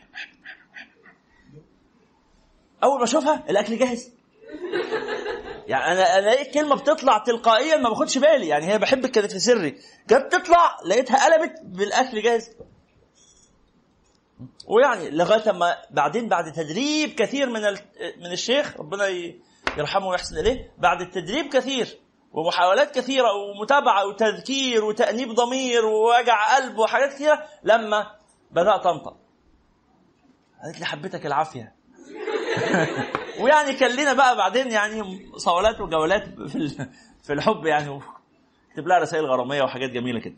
بس الشاهد إنه آه، آه، علاقتك إيه بأهلك؟ مقياس آه، الجدعنة. مش جدعنتك مع مع الأغراب يا أيها الرجل الجدع مقياس الجدعنة جدعنتك مع أختك. وجدعنتك مع بنتك وجدعنتك مع مراتك. ولذلك النبي صلى الله عليه وسلم أنتوا ما بتصلوش عليه ولا بتصلوا عليه وأنا مش سامعكم ولا هو إيه الموضوع؟ قال صلى الله عليه وعلى آله وصحبه وسلم خير الصدقه خير الصدقة دينار تنفقه على أهلك. أحسن حاجة تتصدق بيها روح تصدق على مراتك. مش بقول لك تروح لمراتك تقول لها خدي 5 جنيه صدقة يلا إن شاء الله يطمر يعني مش ما أقصدش كده. ما أقصدش كده. أقصد إنك وأنت تطعم امرأتك. النبي عليه الصلاة والسلام قال كده. قال واللقمة تضعها في فم امرأتك صدقة. تاكل مراتك بإيدك صدقة. وناكل بإيه؟ لما أكلها بإيدي ناكل بإيه؟ ما تبقاش تلح بقى ما تنرفزنيش. أكلها لقمة واحدة بإيدك وهي هتكمل الباقي بإيديها. ما ربنا خلق لها ايدين بتاكل بيهم. بس اللقمة اللي بإيدك دي بس أنت بتظهر بيها إيه؟ تظهر بيها المودة وتظهر بيها التقدير وتظهر بيها إنه تسلم ايديكي والأكل كويس اللي أنت طبخه لنا من عند المطعم الدليفري ده. ونحو ذلك. يعني تشكرها. تشكرها إن هي حتى فكرت معاك في المطعم اللي هتشتري منه أكل ولا حاجة. يعني أي حاجة. أي حاجة. ولذلك على الناحية الثانية المرأة النبي صلى الله عليه وسلم لما النساء ذهبن إليه وقلنا يا رسول الله إيه إيه إيه إن الرجال قد استأثروا دوننا بالجمع والجماعات والجهاد المرأة لا تخرج إلى الجمعة غالبا ممكن تخرج في صلاة ولا صلاتين بس مش مش في الخمس صلوات ولا تخرج إلى ال- ال- ال- ال- ال- الج- الجمعة غالبا ولا إلى الجماعة ولا إلى الجهاد فالنبي عليه الصلاة والسلام قال إيه؟ قال إن حسن تبعل الواحدة منكن لزوجها يعدل ذلك كله يعني يعدل الجمع والجماعات والجهاد في سبيل الله. حسن تبعل المرأة لزوجها يعني أنت بتعاملي جوزك إزاي؟ لو بتعاملي جوزك باحترام وبتقدير وبمودة وبحاجة تخفف عنه الدنيا متاع وخير متاعها المرأة الصالحة. إيه هي المرأة الصالحة؟ قال صلى الله عليه وسلم التي إذا- نظر إليها سرتها وشها كده يعني بشوش كده والمسألة مش شايلة هموم الدنيا والآخرة ومطلعها في طلعها في بوزه وفي في خلقته ويشوفها يعني يفتكر الموت ويزهد في الدنيا. مش كده؟ نظر إليها سرتها يعني في المشاكل تهون كده وقعدتها حلوة وفرفوشة وإلى آخره. لا الفرفوشة دي صاحبته أنا مراته. أنا بف- أفرفش عليه إزاي؟ أنا مراته يعني أنكد عليه إحنا وارثينها كده. هو هي كده مراته. هو قاعد مع واحدة مصاحبها من الجامعة ده مراته يعني إيه مرا- مراته؟ تتقال مراته. لازم تبقى واو من جوه كده. مراته حس مراته دي يعني معناها الهم بقى والنكد والمسؤوليات والعيال والخلفة. ما هو عياله اللي تعبني ومبهدلني وم... لا لا مش كده. اتقي الله حرام عليك. إذا نظر إليها سرته وإذا أمرها أطاعته المسألة معاها سهلة والأمور بسيطة. إذا أمرها أطاعته لا دي strong and independent ما, يامرهاش لا يامرها ليه؟ إن شاء الله. فرق إيه بينه وبينها؟ يامرني ليه يعني؟ لو كلمة عليا ولا لو كلمة علي؟ لا يامرك يا حاجة يامرك يامرك عشان العيشة تستمر والدنيا تمشي. لا ما يامرنيش ما يامرش عليك ظالم. أنا ما أخدش أوامر من حد أنا أعمل اللي أنا مقتنع بيه ولا مش مقتنع بيه ما اعملوش أو بوزك الاخص ده حياتكم مش هتستمر. ما أنتوا هتعيشوا في مشاكل. ما هو مش هينفع. يبقى أنت كده إيه؟ يا بتاعة جمعية المرأة المتوحشة. هذه ليست امرأة صالحة. جمعية المرأة المتوحشة ليست على معيار النبوة. ما هو ما هو المعيار معيار النبي صلى الله عليه وسلم. على معيار النبوة؟ لا ليست هذه المرأة الصالحة. حتى ولو كان صحباتها في الجمعية بيسقفوا لها. وحتى لو كان أصحابها في الجمعية بيسقفوا لها. خلاص؟ لا ما ده ده ما يوصلش لحاجة إذا نظر إليها سرته وإذا أمرها أطاعته وإذا غاب عنها حفظته في نفسها وماله. أهو ده معيار المرأة الصالحة يبقى مرة تانية المرأة تشوف نفسها البنت تشوف نفسها إن كانت فعلا أخلاقها كويسة تعرف أخلاقها كويسة دي إزاي؟ علاقتها إيه بأخوها؟ بأختها. أختها اللي لسه جايباها من شعرها النهاردة الصبح دي. أختها خالتها خالها عمها صلة الرحم. صلة الرحم. اللي هو إيه؟ الناس اللي ما بيوصلونيش أنا بوصلهم. والنبي عليه الصلاة والسلام قال ليس الواصل بالمكافئ ولكن الواصل من يصله من قطعه ويعفو عمن ظلمه. اللي بيوصلك اللي بيقطعك توصله. طب واللي بيوصلك؟ تقطعه بقى. ما خلاص أنا هوصل كل الناس. لا توصله برضه.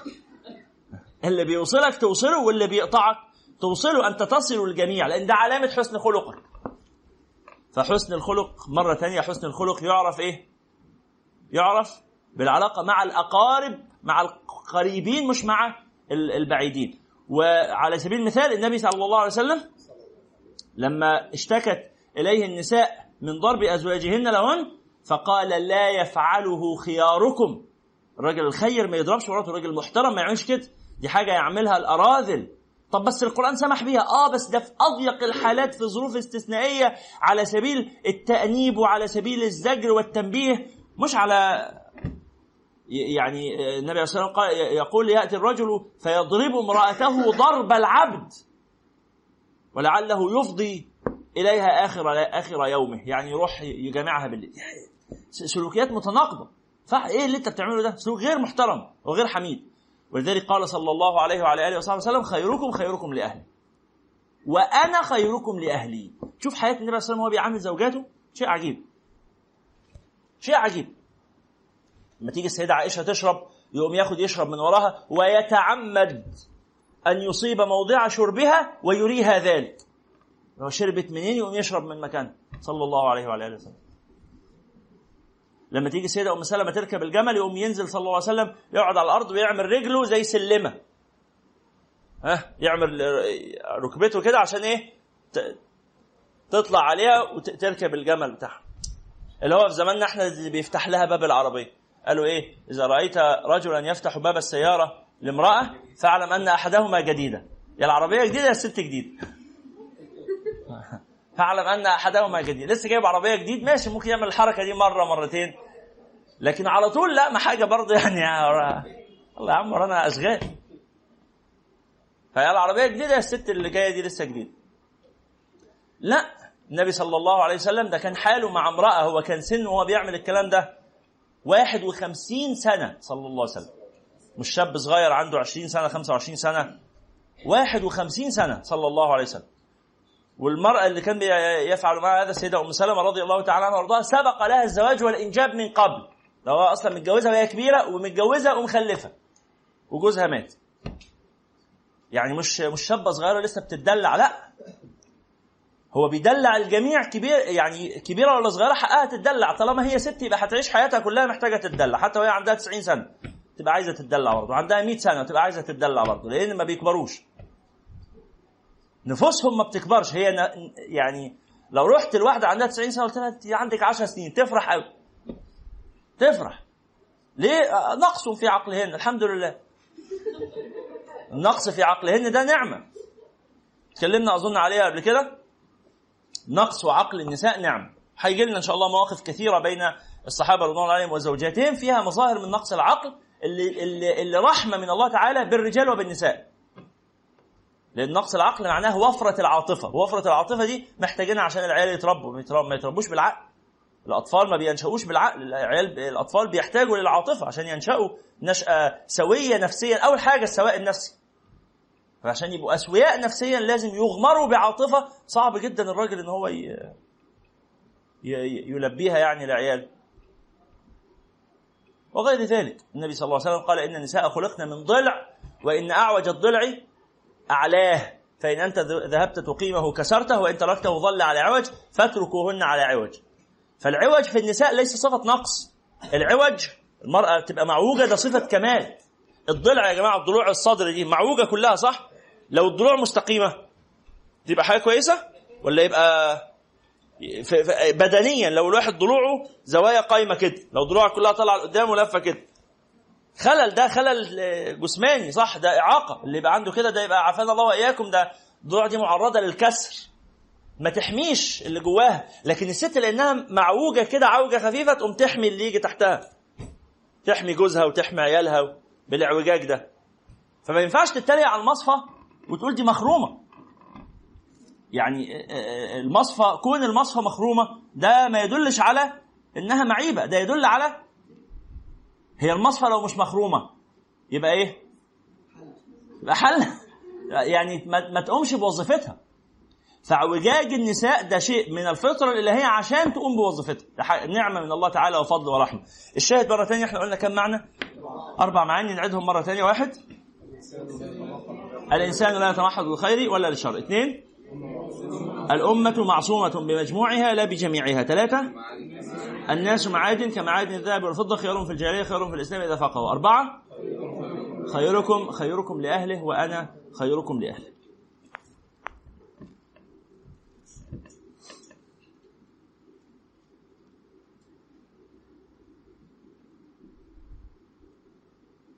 المعنى الخامس الإنسان كائن اجتماعي محاكي بطبعه الإنسان كائن اجتماعي محاكي بطبعه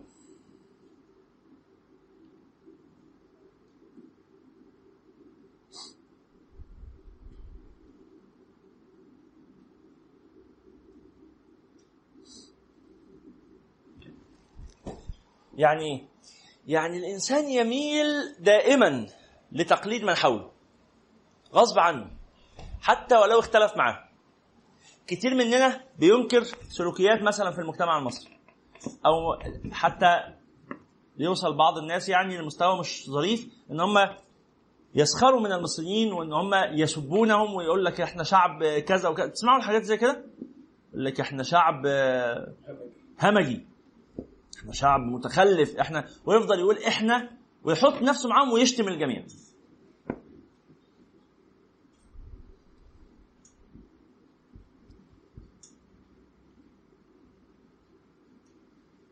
طب هو بإنكاره هذا هل يخرج عنهم؟ لا يخرج عنهم هو يحاكيهم يعني هو ما يقدرش غير يبقى زيهم. وأنا أضرب لكم في هذا مثالين المثال الأول الكلام. اللغة. مهما كان الابن بيكره أبوه وأمه هو بيتكلم زيهم ولا لأ؟ غصب عنه. غصب عنه اسمها لغة الأم حتى لو طلع بيكره الأم دي. هي لغة الأم هي هو اتعلم اللغة منها فسمعها فقال زيها من غير ما يقصد. ممكن يتعلم لغات أخرى لما يكبر وارد صح؟ ممكن عادي يتعلم إنجليزي ويتعلم فرنساوي ويتعلم لغات أجنبية عن لغته الأصلية مثلا. لكن هتظل لغته الأصلية. طول ما هو عايش تفضل اسمها لغة الأم أو تفضل اسمها اللغة الأصلية. اللي هي شكلت وجدانه وشكلت كيانه. لأنه غصب عنه بيحاكي. الإنسان كائن اجتماعي ما يقدرش يعيش لوحده. حتى الناس اللي بتحب الوحدة. ها؟ زي واحد فودافون بعت له رسالة. قال له أنت كسبت 600 وحدة. قال له أنا مكتفي بواحدة تبعت لي 600 نقي ملفظك أنا أنا وحده أنا الوحدة لوحدها كانت تعباني. تبعت لي 600 وحدة ده بلاء يعني. هو يشير إلى الوحدة بمعنى الانفراد. القصد ان الإنسان حتى ولو أحب الانفراد بنفسه قليلا لكنه لا يستطيع أن يفعل هذا دائما. هو يضطر إلى مخالطة الناس وإلى الأخذ من الناس وإلى إعطاء الناس وإلى الشراء من الناس. ولذلك قالوا الناس للناس من بدو وحاضرة بعض لبعض وإن لم يشعروا خدموا. الناس للناس من بدو وحاضرة بعض لبعض وإن لم يشعروا خدموا. يعني أنت غصب عنك حتى لو مش بتحب الناس بس أنت هتحتاج واحد يعمل لك الأكل يخبز لك العيش. وقبلها محتاج واحد يزرع القمح وقبلها محتاج واحد يبذر الأرض وقبلها محتاج واحد يسوق الجرار وقبلها محتاج واحد يعمل لك هدومك وقبلها محتاج واحد وهكذا. ما تقدرش أنت بقى تخيط هدومك وتزرع القطن وبعدين تطلعه وتنسجه وتحوله لخيوط وتحوله لقماش وتفصله وتلبسه وتصنع الجزمة وتصنع العربية اللي هتركبها وتصنع ال ال ال ال الأكل اللي هتاكله تزرعه لا يستطيع إنسان أن يلبي احتياجاته كلها بنفسه. وبناء على هذا بما أن الإنسان كائن اجتماعي بطبعه فإنه يميل إلى المحاكاة والتقليد فقل لي من صديقك أقل لك من أنت. المؤمن مرآة أخيه. قال رسول الله صلى الله عليه وسلم المؤمن مرآة أخيه. ده تبع نفس الإيه؟ الفكرة الخامسة. المؤمن مرآة أخيه يعني إيه؟ يعني أنت بتشوف نفسك في الناس زي ما فؤاد حداد كان بيقول مفيش حياة إلا عند غيرك. تعيش في خيره ويعيش في خيرك. أنت لوحدك ما عندكش حياة. الحياة عند الناس. أهلك لا تهلك. مش قال كده؟ أو لا تهلك. أهلك لا تهلك أو أهلك لا تهلك. يعني إيه أهلك لا تهلك؟ تمسك بأهلك وإلا تهلك. وإلا ستهلك. الله تعالى ختم كتابه بكلمة آخر كلمة في القرآن إيه؟ آخر كلمة في القرآن كلمة الناس. الناس كلمة ختم الله بها القرآن. قل أعوذ برب. الناس ملك. الناس إله. الناس. من شر الوسواس الخناس الذي يوسوس في صدور الناس من الجنة والناس. الناس. الناس أمرهم عزيز. القرآن بدأ بالحمد لله وختم بالناس. لأنه من الله إلى الناس. إلى الناس. فالحمد لله الذي أنزله للناس. والمثال اللي بنقوله على طول في موضوع الصحبة لو جبت جزرة وقسمتها نصين وحطيت نصها في مية وسكر لمدة شهر ونصها في مية وملح لمدة شهر. اللي في مية وسكر بتعملها؟ مربى مربى جزر واللي في مية ملح بتبقى مخلل ترشي. إيه الفرق بين ترشي الجزر وبين مربى الجزر؟ هو نفس الجزراية. نفس الجزراية. بس اللي خلاها ترشي أو خلاها مربى هو إيه؟ البيئة. الصحبة. أنت موجود في وسط إيه؟ ولذلك الكلمة النفيسة لل... للأستاذ آه، الفاضل آه، آه، محمد سعد الليمبي. لما قال واحد مصاحب علي علوكة وأشرف كخة عايزه يطلع إيه؟ طيار وصدق. والله صدق. وخذوا الحكمة من أفواه ذويها. صدق. إنه فعلا فعلا واحد مصاحب هؤلاء الناس المقاطيع اللي حواليا دول اللي أنت شايفهم دول هطلع أنا في وسطهم وسط علي علوكة وأشرف كخة هطلع أنا إيه يعني فهمتم هذه المسألة؟ المسألة دي مشاهدة، فما تقوليش بقى إنك مصاحب الناس دول بس أنت مش زيهم وعشان أنت بتحاول تصلحهم. ما تضحكش عليا ما تضحكش على نفسك. أنت أنت زيهم، أنت هتبقى زيهم حتى ما بقتش زيهم دلوقتي هي عايز تشوف مستقبلك، شوف مستقبل الصحبة اللي حواليك، شوف هم إزاي هتبقى زيهم. وياما والله يا جماعة ياما شفنا في حياتنا. ياما شفنا حد متدين وصالح ومحترم وحاله كويس واتلم على شلة كان هو المحترم اللي في الشلة وكان هو مبسوط بالدور ده دور المحترم اللي في الشلة وهم كلهم عيال فاقده وضيعه وهو المحترم وفضل هو المحترم لفترة بعد شوية إيه حتة بحتة بحتة. هو مش واخد باله من التغيرات اللي بتحصل. في شكل لبسه في التيشيرتات اللي بيشتريها في في بنطلوناته في في في طريقة كلامه في مصطلحاته. أنا في واحد أول مرة أسمعه يقول يا باشا اتخضيت. يا باشا. رغم إن كلمة يا باشا دي ما تعتبرش كلمة قبيحة يعني. أنتوا معايا؟ كلمة يا باشا كلمة عادية. لكن هذا الإنسان ما يقولش يا باشا ما تجيش منه عيب. فلما بدأ يقول يا باشا خفت. فشفت بعدين حصل له إيه؟ حاجات مش كويسة. حاجات مش كويسة. المشكلة لم تكن في لفظ باشا. أنتوا فاهمين المعنى؟ هو اتحط في وسط شلة. بيقولوا يا باشا. لا يا باشا ويا برنس ويا برنجي ويا زميكي ويا بدأ بقى النداءات يحصل لها تطور. النداءات دي معبرة عن بيئة عن عن المستوى اللغوي ده معبر عن مستوى ثقافي ومع كان بيقول يا فندم وكان بيقول لحضرتك وكان بيقول راحت حضرتك يعني عيب أصلا هو لو قال حضرتك دي في وسط في وسط الشلة بتاعه يقولوا إيه؟ إيه ده أنت سيكي ميكي كده ليه يالا؟ ما تسترجل يا حضرتك إيه ده؟ فيبدأوا يسخروا من الألفاظ المهذبة لأنه التهذيب ده إيه ده ده بيربط الزرار القميص اللي فوق يعني شوية مظاهر كده. المسألة برضه مش مسألة مظاهر أنا عمال أقول المظاهر دي لأنها أول ما يلحظ من التغيير. أول ما يلحظ من التغيير. لكن هي بتكون معبرة عن إيه؟ المآلات التي ستأتي بعد ذلك. الطرحة اللي بتقصر شوية بشوية بدل ما كانت خمار بقت طرحة لف بقت طرحة على قد الرقبة بقت سبانيش رحنا خلاص. مش مسألة حجاب برضه. مش أهم حاجة في الدين هي الحجاب. الحجاب مهم. مش أهم حاجة في الدين هي الحجاب. لكن بس بتكلم على المظاهر دي لأنها إيه؟ أول شيء يمكن أن يلحظ ولأنها بداية لما؟ وراءها وما بعدها. صليتوا على رسول الله صلى الله عليه وعلى آله وصحبه وسلم. فقل لي من صديقك أقول لك من أنت. ولذلك جه القرآن الكريم أكثر من ثلث القرآن في ذكر القصص. إحنا لسه في نفس المحور الخامس. أكثر من ثلث القرآن في ذكر القصص. ليه؟ عشان يبقى ليك صحبة. عشان تصاحب آدم عليه السلام وتصاحب نوح عليه السلام وتصاحب إدريس عليه السلام وتصاحب هود عليه السلام وتصاحب صالح عليه السلام وتصاحب إبراهيم عليه السلام وتصاحب إسماعيل وإسحاق ويعقوب وموسى وعيسى وإلياس وذو الكفل واليسع وداود وسليمان. صاحب هؤلاء. صاحب رسول الله محمد صلى الله عليه وسلم. تصاحبهم يعني تقرأ سيرتهم. تشوف حياتهم. تعيش معاهم.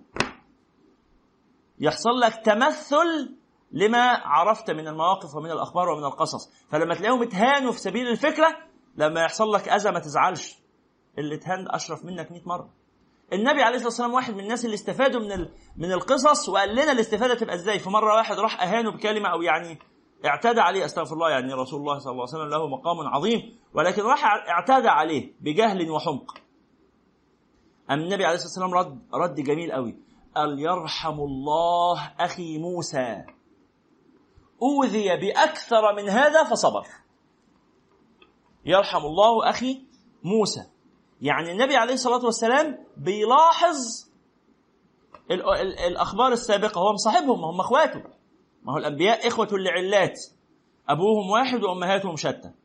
إخوة العلات اللي هم الإخوة في ال- الإخوة من أب واحد بس أمهات متفرقات. اسمهم إخوة العلات في اللغة العربية. خلاص؟ فالأنبياء إخوة لعلات. أبوهم واحد اللي هو التوحيد لا إله إلا الله. وأمهاتهم اللي هي الشرائع تتغير. ده يبقى حلال ده يبقى حرام المسألة تتغير. لكن التوحيد اللي هو أصل الإيه؟ الدين واحد عند الجميع كلهم دينهم الإسلام. يبقى مسألة الصحبة. إحنا بنقرأ هذه السيرة عشان نكون عشان نصحب هؤلاء. في وسط الصحبة اللي حوالينا صحبة كويسة ومحترمة وكل حاجة لكن إيه؟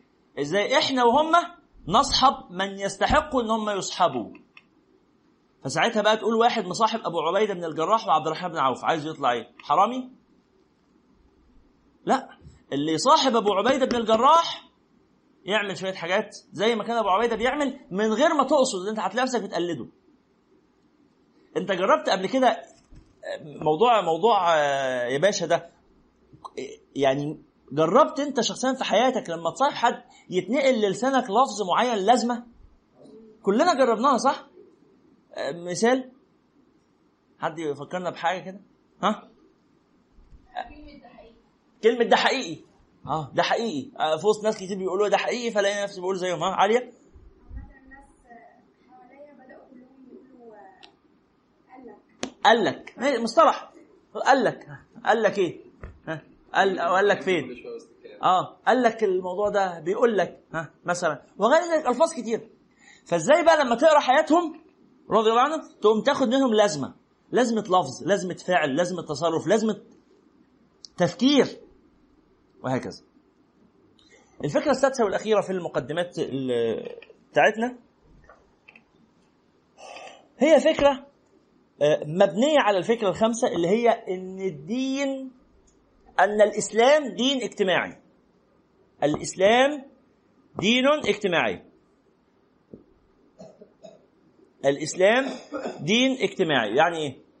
الإسلام قائم على مجموعة من العبادات التي تمارس جماعيا. قلنا كتير قبل كده فكرة إن إيه؟ الاجتماعات الأربعة نظرية الاجتماعات الأربعة. إيه الاجتماعات الأربعة؟ اولا الاجتماع اليومي. خمس مرات في اليوم. كل مر كل اجتماع منهم مدته خمس دقائق عشر دقائق اجتمع بس كده اخرج من بيتك وقابل الناس. طمن عليهم اطمنوا عليك كله تمام تمام خلاص فلان موجود لا مش موجود طب نشوفه نرجع شغلنا. خمس مرات في اليوم تفقد سريع. وبعدين الاجتماع الثاني اجتماع أسبوعي. هنتقابل مرة في الأسبوع مش نقعد بقى خمس دقائق مع بعض لا ده إحنا هنقعد نص ساعة ساعة حاجة كده. ونسمع كلمة كويسة ونقول نصلي و... في شوية أنشطة. ده اجتماع أسبوعي. وبعدين في اجتماع تاني نصف سنوي مرتين في السنة. نجمع ال- المساجد كلها وكل المنطقة أربع خمس مساجد يروحوا في الساحة يروحوا في حتة واسعة يروحوا في مكان في الاستاد في ملعب الكورة. عشان ال- الاجتماع اللي هيحصل ده اجتماع آه، كبير قوي. مرتين في السنة نصف سنوي. وبعدين في اجتماع سنوي مرة واحدة في السنة. بس وانت لازم تروح مرة في حياتك تحضره. ولما ما تروحش تحضره تابع أخباره. بالفيديو كونفرنس تكون متابع الناس اللي هناك وبتبعت ممثلين عن الدولة اللي عن المنطقة اللي انت فيها. وكل منطقة وهي الممثلين بتوعها رايحين يعني مبتعثين من المنطقة بيروحوا إحنا بنودعهم ونقول لهم خدوا أخبارنا للناس اللي هناك وإيه وتطمنوا لنا عليهم ولما ترجعوا يقول لك ده إحنا الناس كانوا معانا من هنا ومن هنا ومن هنا ومن هنا ويفضل يحكي لك بقى. يقول لك وبتوع تركيا بيسلموا عليكم. عارف لما حد يبقى إيه؟ في الغربة و... ويروح لواحد من بلده. بقى في زماننا يعني الموضوع ده ما بقاش له معنى قوي لأنه وسائل التواصل أو الاتصال بقت متطورة شوية. لكن زمان يعني أنا عندي مثلا محتفظ بالجوابات بتاعة أبويا وأمي وهم مخطوبين. لأنه أبويا لم يكن في مقيما في مصر كان في الأردن. ويبعت لأمي وبعدين لما اتجوزوا اخذها وراحوا هناك أنا اتولدت هناك. فيبعتوا لجدتي وجدتي تبعت لهم فيبعت الجواب وينتظر شهر أو شهرين لما يجي له الرد. يعني تخيل بتقول واحد السلام عليكم. بعد شهرين وعليكم السلام. انت لسه فاكر؟ لو بعت لواحد رسالة كده على الواتساب ورد عليك بعد شهرين يعني حاجة مؤلمة جدا يعني. اللي بيتواصل معايا عارفها يعني.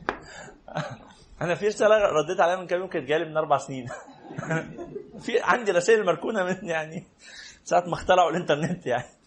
المهم بس في الوضع الطبيعي وعليكم السلام أهلا وسهلا. في الوضع الطبيعي في التعامل بين البشر دلوقتي بقى التواصل أسرع من كده. لكن زمان الرسائل دي ما كانش في تواصل التواصل بالجوابات وال... كانوا كمان يعملوا حاجات غريبة كانوا يبعتوا شريط كاسيت. ما أعرفش أنتوا يعني اهاليكم عارفين القصص دي؟ الناس اللي كان لهم أهل مسافرين هم اللي محتكين بال آه ف لا يعني أنا بتكلم طيب. آه آه إن هم إيه يشغل الكاسيت ويسجل بقى أخبار وإحنا رحنا وجينا وجبنا واشترينا و... وأنت تقعد بقى تسمع بيقول. لا نفس فكرة ال voice note يعني ما فرقتش في حاجة. لا هو كان في تجربتنا إحنا كان شهر شهرين حاجات زي كده. يعني تختلف. ممكن حضرتك في وقت التطور بقى يعني لسه قريب لسه قريب هم أقدم شويتين يعني. لا لا هم أقدم من كده. يلا صلوا على النبي. صلى الله عليه وعلى آله. فالاجتماع السنوي ده بيحضروا ناس من كل جنسيات العالم صح؟ مش كده ولا إيه؟ واللي ما بيروحش يحضر الاجتماع ده الاجتماع ده بيحضره 5 مليون إنسان. ده أكبر اجتماع في الدنيا أكبر اجتماع في كوكب الأرض. هو الاجتماع ده. 5 مليون إنسان بيحضروه. واللي ما بيحضرش الاجتماع بيعمل إيه؟ يقعد يتابع أخباره. إيه التوصيات؟ يفتح كده التلفزيون. يتابع. عملوا إيه؟ وصلوا فين؟ هم رايحين فين دلوقتي؟ إيه ده؟ ده ماشيين من عرفات رايحين على بعد عرفات بيروحوا فين؟ هتفاكر؟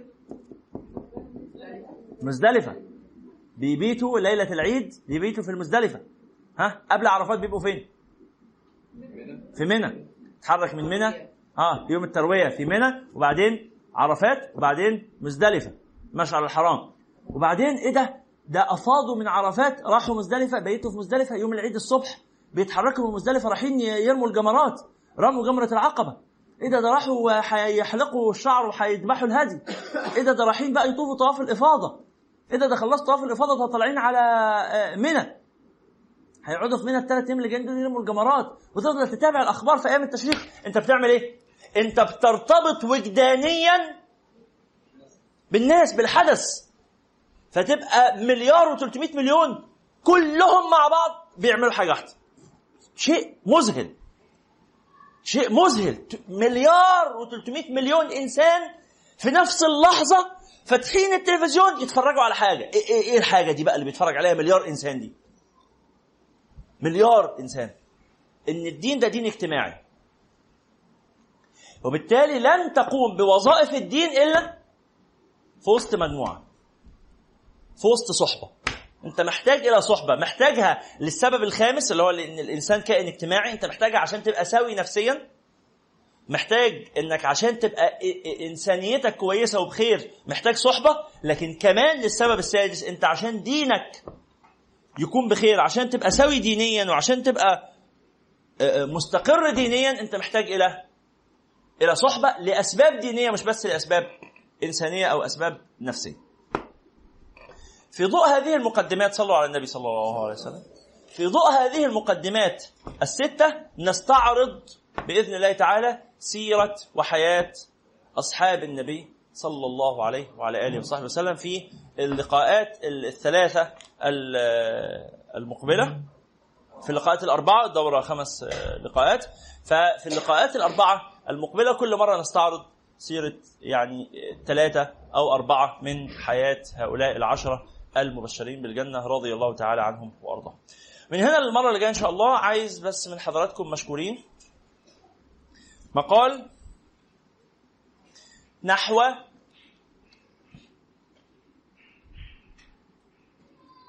جيل قرآني فريد